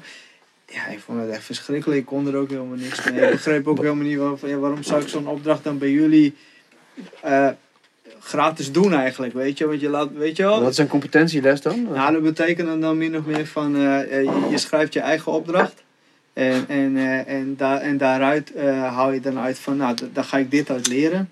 Eh, ja, het kan echt van alles zijn, weet je. Ik heb het zelf helemaal niet gedaan, dus ik heb helemaal geen concreet voorbeeld. ik was afvalikant tegen. En volgens mij heeft Hayan toen echt een soort van eh, eh, jingles gemaakt voor bedrijven of zo. Ja, precies. Maar ja, dat is ook helemaal niet zo. zo net wat jij zei, de op, je, je bent niet aan die opleiding begonnen. Ja. Als ze in het begin al zeiden van, joh, je werkt met competenties en zo, dan had ik nog kunnen denken van, ah, ja, dit is niks voor mij, of dit is wel wat voor mij, of je bent, weet je wel, je bent op voorbereid. Maar als je, als je flip de script gewoon, weet je. En ze zegt, dan krijg je van, ja, maar dit is helemaal niet dit vind ik helemaal niet vet. Ja. Ik ben er wel mee gestopt bijvoorbeeld. Ja, wel. maar precies. ik had al, zeg maar, ja, dat was gewoon een andere situatie. Dus ik was al in de werkveld, ik verdiende Ja, wat, geld wat het voor mij is als ik nu zou stoppen. Ik ben nu nog niet afgestudeerd, maar zelf, ik zou nu stoppen, dan moet ik heel veel geld terugbetalen. Dat bedoel. Ja. Anders had ik het al lang gedaan. Ja, zie je, dat, Absoluut. dat is het verschil ook met Ja. toen de tijd dat, Ja. dat het zoveel strenger is geworden. Dan is die druk gewoon heel anders. Dus jij moet het wel afmaken inderdaad. Ja. Dus ik begrijp je situatie helemaal. Het is echt ontzettend veel, vervelend gewoon Ja. eigenlijk, weet je. Dus ik ben heel blij dat ik er bijna klaar mee ben. Ja, tuurlijk. Maar eh, Ja, je moet nog wel even gaan. Ja. Maar eh, dat, ja, als journalist dat je nooit in de pen bent geklommen voor dit soort shit. ik heb er één keer een column over geschreven. Ehm, eh, daar bleef het bij, jammer genoeg. Ik ben nog van plan om er iets mee te doen als ik afgestudeerd ben. Ja. Omdat ik ook niet helemaal zeker weet als ik me er heel extreem over uitlaat of mijn positie als student daaronder kan leiden. En noem me dan misschien paranoïde, maar ik weet niet wie welke kritiek kan horen en of ik daar op een of andere manier op kan afgerekend worden. Ja. Er is mij verteld dat dat eventueel het geval kan zijn, dus ik, ja, ik wil er n- liever niet al te veel over zeggen. Maar dat is hetzelfde als wat ik net zei. Dat is wat Ja. je vroeg van ja, waarom komen studenten niet in opstand? Dus er, gewoon, er wordt een cultuur gecreëerd waarin je dat ook niet echt durft. Maar word je dan zo aangesproken of zo erop? Of hoe, hoe, hoe, hoe, hoe werkt het dan? Ja, daar ben, ik ook wel benieuwd Ja. naar. Ja, waar voel je dat aan? Of hoe ontstaat er zoiets Ik heb, ik heb een klein voorbeeld. We hadden een, eh, een paar maanden terug hadden we posterpresentaties. Dus, dus dan sta je in een ruimte en dan moet je een poster maken over je afstudeeropdracht. En dan komen er wat mensen langs, hoge pieven van onderwijsinstellingen. En die gaan dan kijken naar je poster. Het is eigenlijk een soort van, van show, maar goed, dat, dat, maakt verder niet uit. Dat is met heel veel dingen zo. En op het duur komt een team of een, of, of een lid van het managementteam naast me staan. Ik zal geen namen noemen. En die vrouw die kijkt naar mijn poster en daar staat het woord Fritbrand op, dus het, het bedrijf waarvoor ik een afstudeeropdracht doe. En dat herkent ze, want de baas die is een ex-docent ook van mijn opleiding. En die zei van, oh, oh jij bent die jongen, eh, jij bent die student met een mening. Ik Zo. zei, een student met een mening. Dus ik kijk haar aan en op dat moment herken ik haar als zijnde afdelingshoofd. En ik zei van ja, nou, ik heb inderdaad een keer een column geschreven over de opleiding. En toen hadden we een heel kort gesprek. En het kwam erop neer dat ik zei van nou ja, het voelt niet alsof ik deze opdracht moet maken, want ik ben hier niet voor opgeleid. En wat zij toen zei is, nou ja, het blijft de opleiding CMD. En toen liep ze weg. En ik heb daaruit begrepen van oké, CMD is dus blijkbaar dat je wel een soort van applicatie moet kunnen ontwikkelen. Maar er was dus totaal geen communicatie. Er was totaal geen conversatie. Er was, er was nul gesprek tussen ons. En op dat moment stond ik ook met mijn bek vol tanden. Omdat ik gewoon niet wist wat ik met die situa- situatie aan moest. Omdat ik totaal niet had verwacht dat zij zomaar zou weglopen. Ja, ja. En dat ze mij zou aanspreken als de student met een mening. Alsof je dus als student niet een mening mag hebben. Wat natuurlijk krankzinnig is op een onderwijsinstelling waar je wordt opgeleid om het werkveld in te gaan. En opgeleid wordt om een, een, een weldenkend persoon te zijn, een kritisch persoon te zijn. Ja. Mag je dus eigenlijk niet kritiek hebben. Mag je niet een mening hebben. Dat staat Ja. nergens op. Ik heb wel vaker dit soort dingen gehoord. En ik zit dan. Ik, ik, ik heb zelf dan aan de, aan de eh, rug gestudeerd. En ik heb. Nou, eigenlijk vind ik. Nou, naast al hun gebullshit in China en al die dingen. Vind ik dat ze best wel goed bedrijven runnen. Zeg maar. En ik heb me altijd afgevraagd: hoe kan het nou. eh, dat, dat dat wel kan. Dat je wel heel kritisch kan zijn op de rug. En dat het bij de Hanzen juist meer zo'n angstcultuur heerst. Weet ik niet. Ja. Maar ik, ik, ik, ik dacht net als bij Temptation Island met de mannen en de vrouwen, zeg maar. Dacht van, ja, dat is misschien omdat... Een, je, hebt een, je, bent, je bent een universiteit. Een universiteit bouwt aan wetenschap. En wetenschap is... gebe- nummer één ding is gewoon dat je altijd... eh, kritiek moet aanvaarden. Anders wordt het niet, kan, kom je niet dichter bij de waarheid. Ja. En ik denk dat het, dat het bij een, een, een eh, eh, hogeschool juist niet is. Want ja, je bent dan gewoon bezig iets heel praktisch Ja, maar dit gaat natuurlijk heel ver. Hè? Ik heb één column geschreven van 400 woorden waar ik me een klein beetje kritisch uitliet over de opleiding. En dan word je al zwart gemaakt als student met een mening. Dat is Ja. natuurlijk een ontzettend giftige cultuur. Dat is het complete tegenovergestelde van een cultuur waarin je vrij kunt uiten en vrij kritiek kunt hebben. Ja. Ja. Dat blijkt ook dat er over jou gepraat is en dat je column zeg maar niet... Ja. eh, dat, dat, is- dat Ik, ik niet weet dat hij ongelezen. goed is gelezen in de Ja, docentenkamer. Dat is me ook verteld door docenten. En dat vind ik leuk, want je wilt natuurlijk dat er over gepraat wordt. Ja. Ja, heftig man. Ja, Ja, ik vind het echt heel heftig. Ja, Dus ik ben zelf ook nog wel op zoek van, het- het zit mij ook heel erg dwars. Kijk, mijn rechtvaardigheidsgevoel heeft echt zoiets van, hier moet iets mee gebeuren. Maar wat en hoe, dat weet ik zelf ook niet. Ik sta Hmm. op dit moment ook alleen voor. En ik ben bijna afgestudeerd. En dan kan ik natuurlijk zoiets hebben van, ja, zak allemaal in de stront, ik ga er lekker vandoor. Maar ergens voelt het ook heel verkeerd, omdat dan diezelfde toon natuurlijk wordt doorgezet op de opleiding. Ja. Ja, ja. En dat zou ik ook zonde vinden. ja. Nou, ik vind het sowieso goed dat, dat we het hierover hebben. In ieder geval. Het is ook een... eh, Ja, het is ook gewoon een beetje pijnlijk om dit soort dingen te horen. Want je gaat... eh, Tenminste, ik ben daar heel naïef in. Maar dan, vroeger dan ging ik ook gewoon naar school. En ik dacht ook dat die docenten ook gewoon geen leven hadden. Behalve docent zijn. Weet Ja, je wel? Dat ja, het allemaal zo'n... Voor jou een... Een, een gecreëerde wereld. En, en nu ben je zo wat ouder. Dus nou ja, mijn vriendin heeft les gegeven. En eh, weet je, vrienden van mij zijn docent. En dan zijn gewoon. Dat zijn ook gewoon. Niet, niet, mijn vriendin een idioot is. Maar ik heb wel gewoon vrienden, vri- vriend- vrienden die ook docent waren, zijn. En, of waren. Die gewoon echt. echt eh, nou, dat kan je gewoon niet voorstellen. Dat die daar voor de klas staan. Zeg maar. Ja. En dan. En dan Het zijn eh, gewoon mensen natuurlijk. het zijn gewoon mensen, Ja. zeg maar. Dus het kan me, ja, ik snap het heel goed dat als, het, als je in een bepaalde hiërarchie komt te zitten, waarin één iemand gewoon zegt van, godverdomme, ik wil nu gewoon monies verdienen met deze opleiding en ik wil met, met, met dit hele instituut.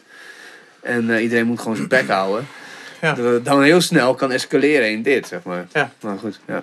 Maar dan vergeet je ook mee te nemen dat ook studenten gewoon mensen zijn. Ja, ja, ja, maar nee, dan ben jij, jij bent gewoon product, jij bent gewoon money. Ja. Ja, ze, ik bedoel, ze Ja. krijgen ook gewoon monies voor jou als je afgestudeerd bent. Ja. Maar het voelt niet alsof ik ontzettend veel heb geleerd op mijn opleiding. Zeg maar, het curriculum überhaupt vind ik vrij zwak. Bijvoorbeeld straks ben ik afgestudeerd. En wat ik heel graag had ehm, gezien is bijvoorbeeld les in ondernemerskwaliteit en ondernemerschap. Ja. Totaal niet gehad. Of, of bedrijfsbezoeken. Ik heb één bedrijfsbezoek gehad in het eerste jaar. Dat je gewoon daadwerkelijk iets uit het, uit het werkveld ziet. Want ik werk nu wel bij een reclamebureau. En ik leer daar meer in één dag dan dat ik in een jaar op de opleiding heb geleerd. Ik denk wat ondernemerschap geven is denk ik heel moeilijk. Omdat het gewoon, ja, ja, jij bent ondernemer, maar je ziet jezelf niet als ondernemer. Dus wat maakt jou een ondernemer, zeg maar? Ja. Maar ik denk dat je, dat wat... nee, maar gewoon wat- wat- bijvoorbeeld hele, hele simpele lessen is als, als je jezelf verkopen of presenteren als freelancer. Heel veel mensen van mijn opleiding die, die, die afgestudeerd zijn, die, die worden freelancer. ja, Nou, daar hebben we totaal geen, geen kennis over gekregen over hoe je dat moet aanpakken. ja, presentatie, pitch. Iedereen doet maar wat, zeg Ja. maar. En dat Ja. komt uiteindelijk wel soort van goed. Alleen dus dat, dat is waar een opleiding voor is natuurlijk, is dat je gewoon goed beslaagd aan ijs komt. En dat je weet waar je mee bezig bent. Ja. Ik denk, dat- ik, ik, denk, ik denk dat het misschien wat, wat, wat, wat, wat wel echt heel concreet zou kunnen zijn. Weet je, waar, heel veel, bijvoorbeeld Minerva en eh, eh, nou, jouw studie dus blijkbaar ook, heel veel van kunnen winnen. Is inderdaad dat je zegt, iedereen komt er als een on- als een zelfstandige uit, is dat je je financiën gewoon goed op orde kunt krijgen. Zo van, Hm. oké, ik moet naar de KWK, ik moet deze rechtsvorm hebben, omdat dit, dat is. Gewoon hele concrete, hele concrete zaken. Ja. Dit is BTW, dit is geen BTW. Leren facturen opstellen. en, Precies, zo ziet de factuur eruit. Ja. Ja. Ja. Maar Fucking hell, ja. Maar dat is wel een beetje volgens mij eigen aan een, aan een, aan een opleiding. Hè? Als je dan zo simpel denkt aan, een- aan een rijles, zeg maar. Hm. Je leert eigenlijk niet rijden tijdens de rijles. Ja. Want je wordt dan zo van, nou, nu heb je auto, ga maar rijden, weet je wel. En, Ja, ja. en, en dan in één keer, een beetje, een simpel voorbeeld om wat te simplificeren. Zo. Hm. Ja. Ik moest gaan tanken. Die man had me nooit verteld hoe ik moest tanken. Ja. Dus zat ik daar met Max. zei, fuck man, dat is wel een beetje een dingetje, weet je wel. En, en zeg maar in het klein. En parkeren in een parkeergarage heb ik ook nog nooit gedaan. Ik, ja. Ja. maar ik heb net al die opleiding gehad. Ja. Waarom ben ik nooit in een parkeergarage in geweest? Ik ben leren parkeren daar, weet je wel. Ja, precies. Maar je hebt wel in die auto gezeten. Je hebt Ja, wel op het gaspedaal gedeeld. Je hebt Ja, wel aan de- het stuur gedraaid. Dat, Het is gewoon net, het is gewoon net genoeg. Dus Dat, dat Ja. geven ze je bij een studie. In de praktijk leer je toch pas echt hoe je alles Ja. moet doen. maar en, en dat is een manko van heel veel opleidingen, denk ik. Ja, ik denk zeker sowieso. zeker Ja. Ik denk sowieso. Ik bedoel, jij, jullie hebben nog iets praktisch, zeg maar, wat je, wat je hebt geleerd, denk ik. Ik, Hm. ik. ik weet echt niet meer wat ik geleerd heb. ja. Echt niet. Ik weet, ik heb, uiteindelijk ben ik, eh, wat was het? Kunstbeleid en marketing van muziek heb ik, heb, heb ik een master in. Ik heb echt geen flauw idee meer wat dat inhoudt. ik bedoel, ja, dat Ja. ligt aan mij. Maar Ja, ja. ik heb genoeg mensen die wel gewoon al die filosofen en alles wat ze, nou Ja. Het is ook hoe je het zelf oppakt inderdaad. Ja, ja inderdaad. Maar als je een heel, heel praktisch voorbeeld noemt. eh, Photoshop is heel belangrijk in mijn sector.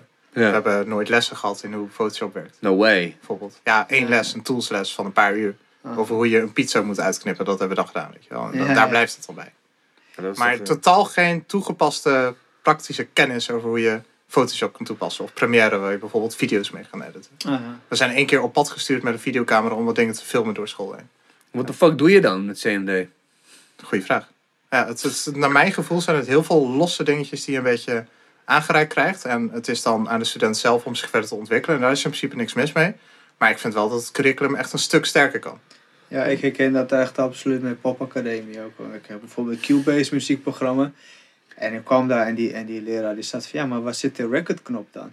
No way. Ja, snap je? Ah, ik, had, ja, ik weet ook helemaal niet zo goed. Ja, ik gebruik thuis eigenlijk helemaal geen Cubase. Zeg. Ik gebruik Pro Tools. Ja, ik gebruikte heel wat anders. En toen dacht ik ook van, ja, maar hoe kan ik nou van jou leren produceren? Maar Ja. je kan het zelf niet eens eigenlijk, weet je wel. Dus ja, curriculum, het is, ja, het is misschien wel een HBO-ding ook eigenlijk. Maar ja. Dat, dat je heel veel toch zelf uit moet zoeken.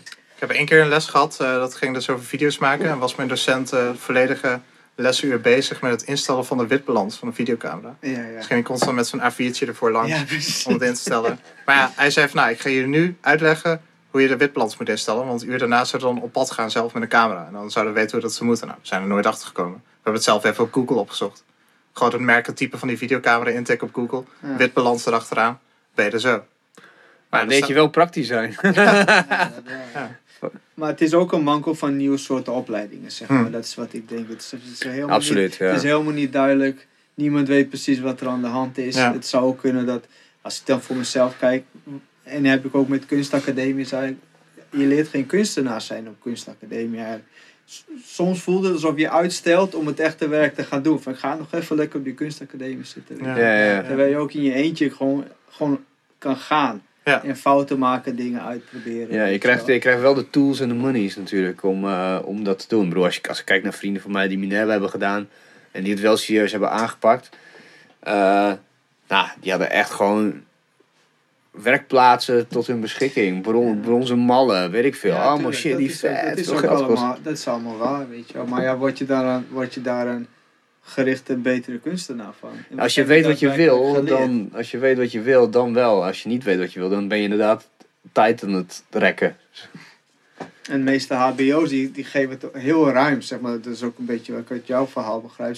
Ze geven hele kleine workshops. Van, ah, een beetje, ik echt een beetje dit, een beetje dat. Ja. En je, hebt gewoon, eh, je wil gewoon de diepte in. Mhm. Ja, hoe werkt dat dan echt, weet je? Als ik wil video editen, ik wil gewoon weten hoe de Premiere of zo, wat je gebruikt. Ja, Ja, hoe werkt dat dan eigenlijk? Daar wil ik wel eh, drie maanden lang gewoon heel erg op gaan zitten, weet je. Ja, maar dat hoeft nog niet eens. Maar geef gewoon één of twee goede lessen. Ja, precies. Want dan zou je al Ja. een heel stuk Ja, zijn. gewoon wat diepte, zeg maar. En geef daarna wat, wat websites of wat, wat, wat tools hoe je verder kunt leren. Ja. Natuurlijk hoef je echt niet alles aan de docent over te laten. Het is ook heel veel zelfstudie. Maar nou ja, zoals die basis hebben we gewoon niet goed gekregen. Ja, Dus dat is, eh, dat is Maar denken jullie dat, dat, zoiets, dat het in de toekomst ook beter gaat worden? Dat is nog een soort van, eh, wat wij hebben meegemaakt in onze opleiding, maar dat het in het groot zo'n beetje zo is. Dat over een jaar of tien, als je dan op zo'n popacademie of wat dan ook komt, dat ze het helemaal voor elkaar hebben. Ik betwijfel het. Ik betwijfel het, omdat het werkveld natuurlijk ook continu blijft veranderen. En ik denk dat zo'n opleiding er stel- telkens een beetje achteraan hobbelt. Ja, Dat ze net die veranderingen niet kunnen blijven bijbenen. dat zou kunnen. Want een conservatorium, die heeft het gewoon echt voor elkaar, weet je wel, Hm. dat Ja, maar, ja. Dat is een beetje op een ander niveau. Maar daar leer je nog een soort, soort van ambacht. Van ja, dit zijn nootjes.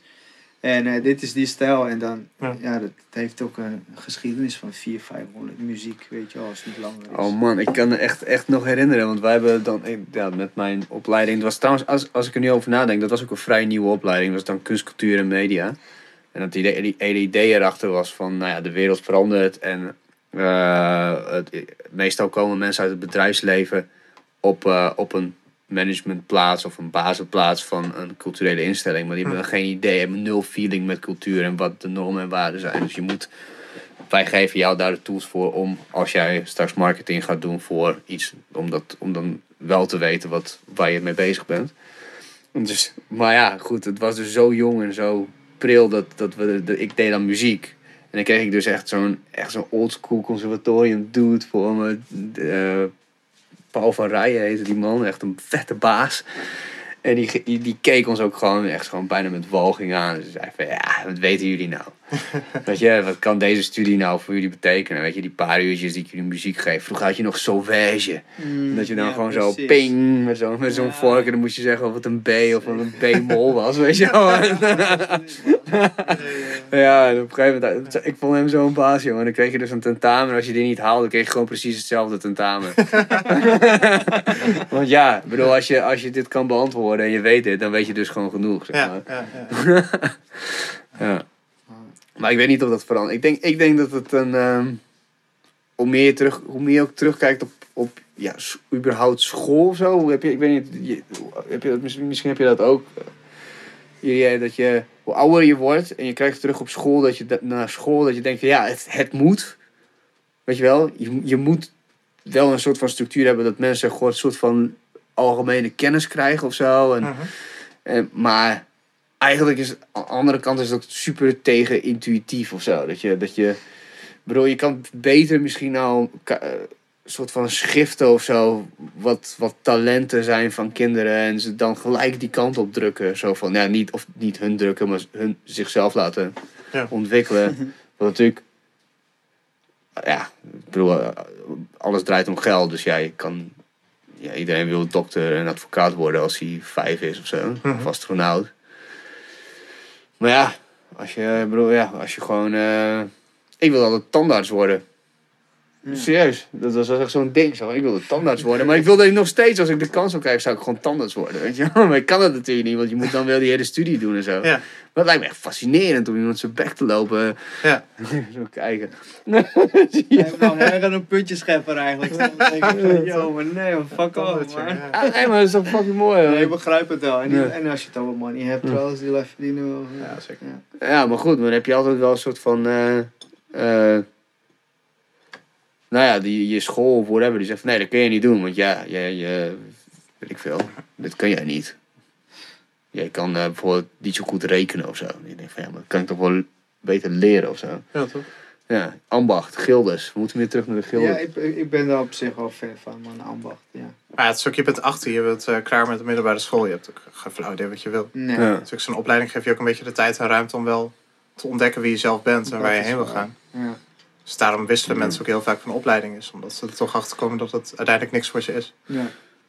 Ja, wij hebben nog eh, de mazzel gehad dat we... Ik heb echt negen jaar gestudeerd uiteindelijk. Ja. Ja, en nou goed, ik hoef er niet, hoef niet heel veel terug te betalen. Maar, ja, nog best wel veel trouwens. Maar, maar goed, als ik kijk naar nu, hoe het nu zit, en bij de rug ook, echt gewoon de rendementen machine omhoog is gegooid, weet je. Mm, Dat het eh, zo harde knip en whatever, man. Dat ik dan denk van, huh. Bijvoorbeeld, nou, Mirna, die was mijn, een van mijn stagiaires, die, Ja. ehm, die is nu wat, 24, 25. Dan, Oké, dat, is, dat is eigenlijk al, als je kijkt naar een generatie, al een beetje aan de, aan de oude kant. Zo van, ze, is eigenlijk, ja, ze, ze studeert nu af, is straks 24 of 25. En nu En, eh, en bijvoorbeeld Floor is 20, 21 wordt ze straks. 21 en dan ben je afgestudeerd. Of dan ben je, of dan begin je met je afstudering. Dus ik me, what the fuck man, ik kan het me niet eens voorstellen. 21, dan, Ja. draaide ik, dan leerde ik Inside Out draaien, weet je wel. Dat was, dat was, what the fuck, daar was ik helemaal niet bezig. Ik begon, was wel aan het studeren, maar... Toen pas. Ja, ja, sorry dude. Ik kan het nog steeds niet. Het is zo moeilijk man. Daar heb ik een HBO voor nodig. Ja, dat denk ik ook. Ik dacht te veel na ook gewoon. Nee, maar dan ben je gewoon... eh, ja, weet ik veel. Dan ben je gewoon met andere shit bezig. Band. Ja, blauwen, zuipen. Ja, voornamelijk, ja. Ja. Ja, ja, dat is ook wel. Je wordt dan snel gedwongen om een keuze te maken, inderdaad. Mhm. Die leidend is voor blijkbaar de rest van je leven, moet je Ja. dat dan ook, dat pad gaan. Er zijn weinigen die dat, niet iedereen is Arnie, weet je. Die Nee. vanaf kleins af aan al weet van, dit is Ja. wat ik ga Ja, doen. Oh, fucking hell, joh. Wil dat ik dat wist. Voor mijn achtste. Ja. Badass motherfucker. ja. Ja. Maar heb je nog... ehm,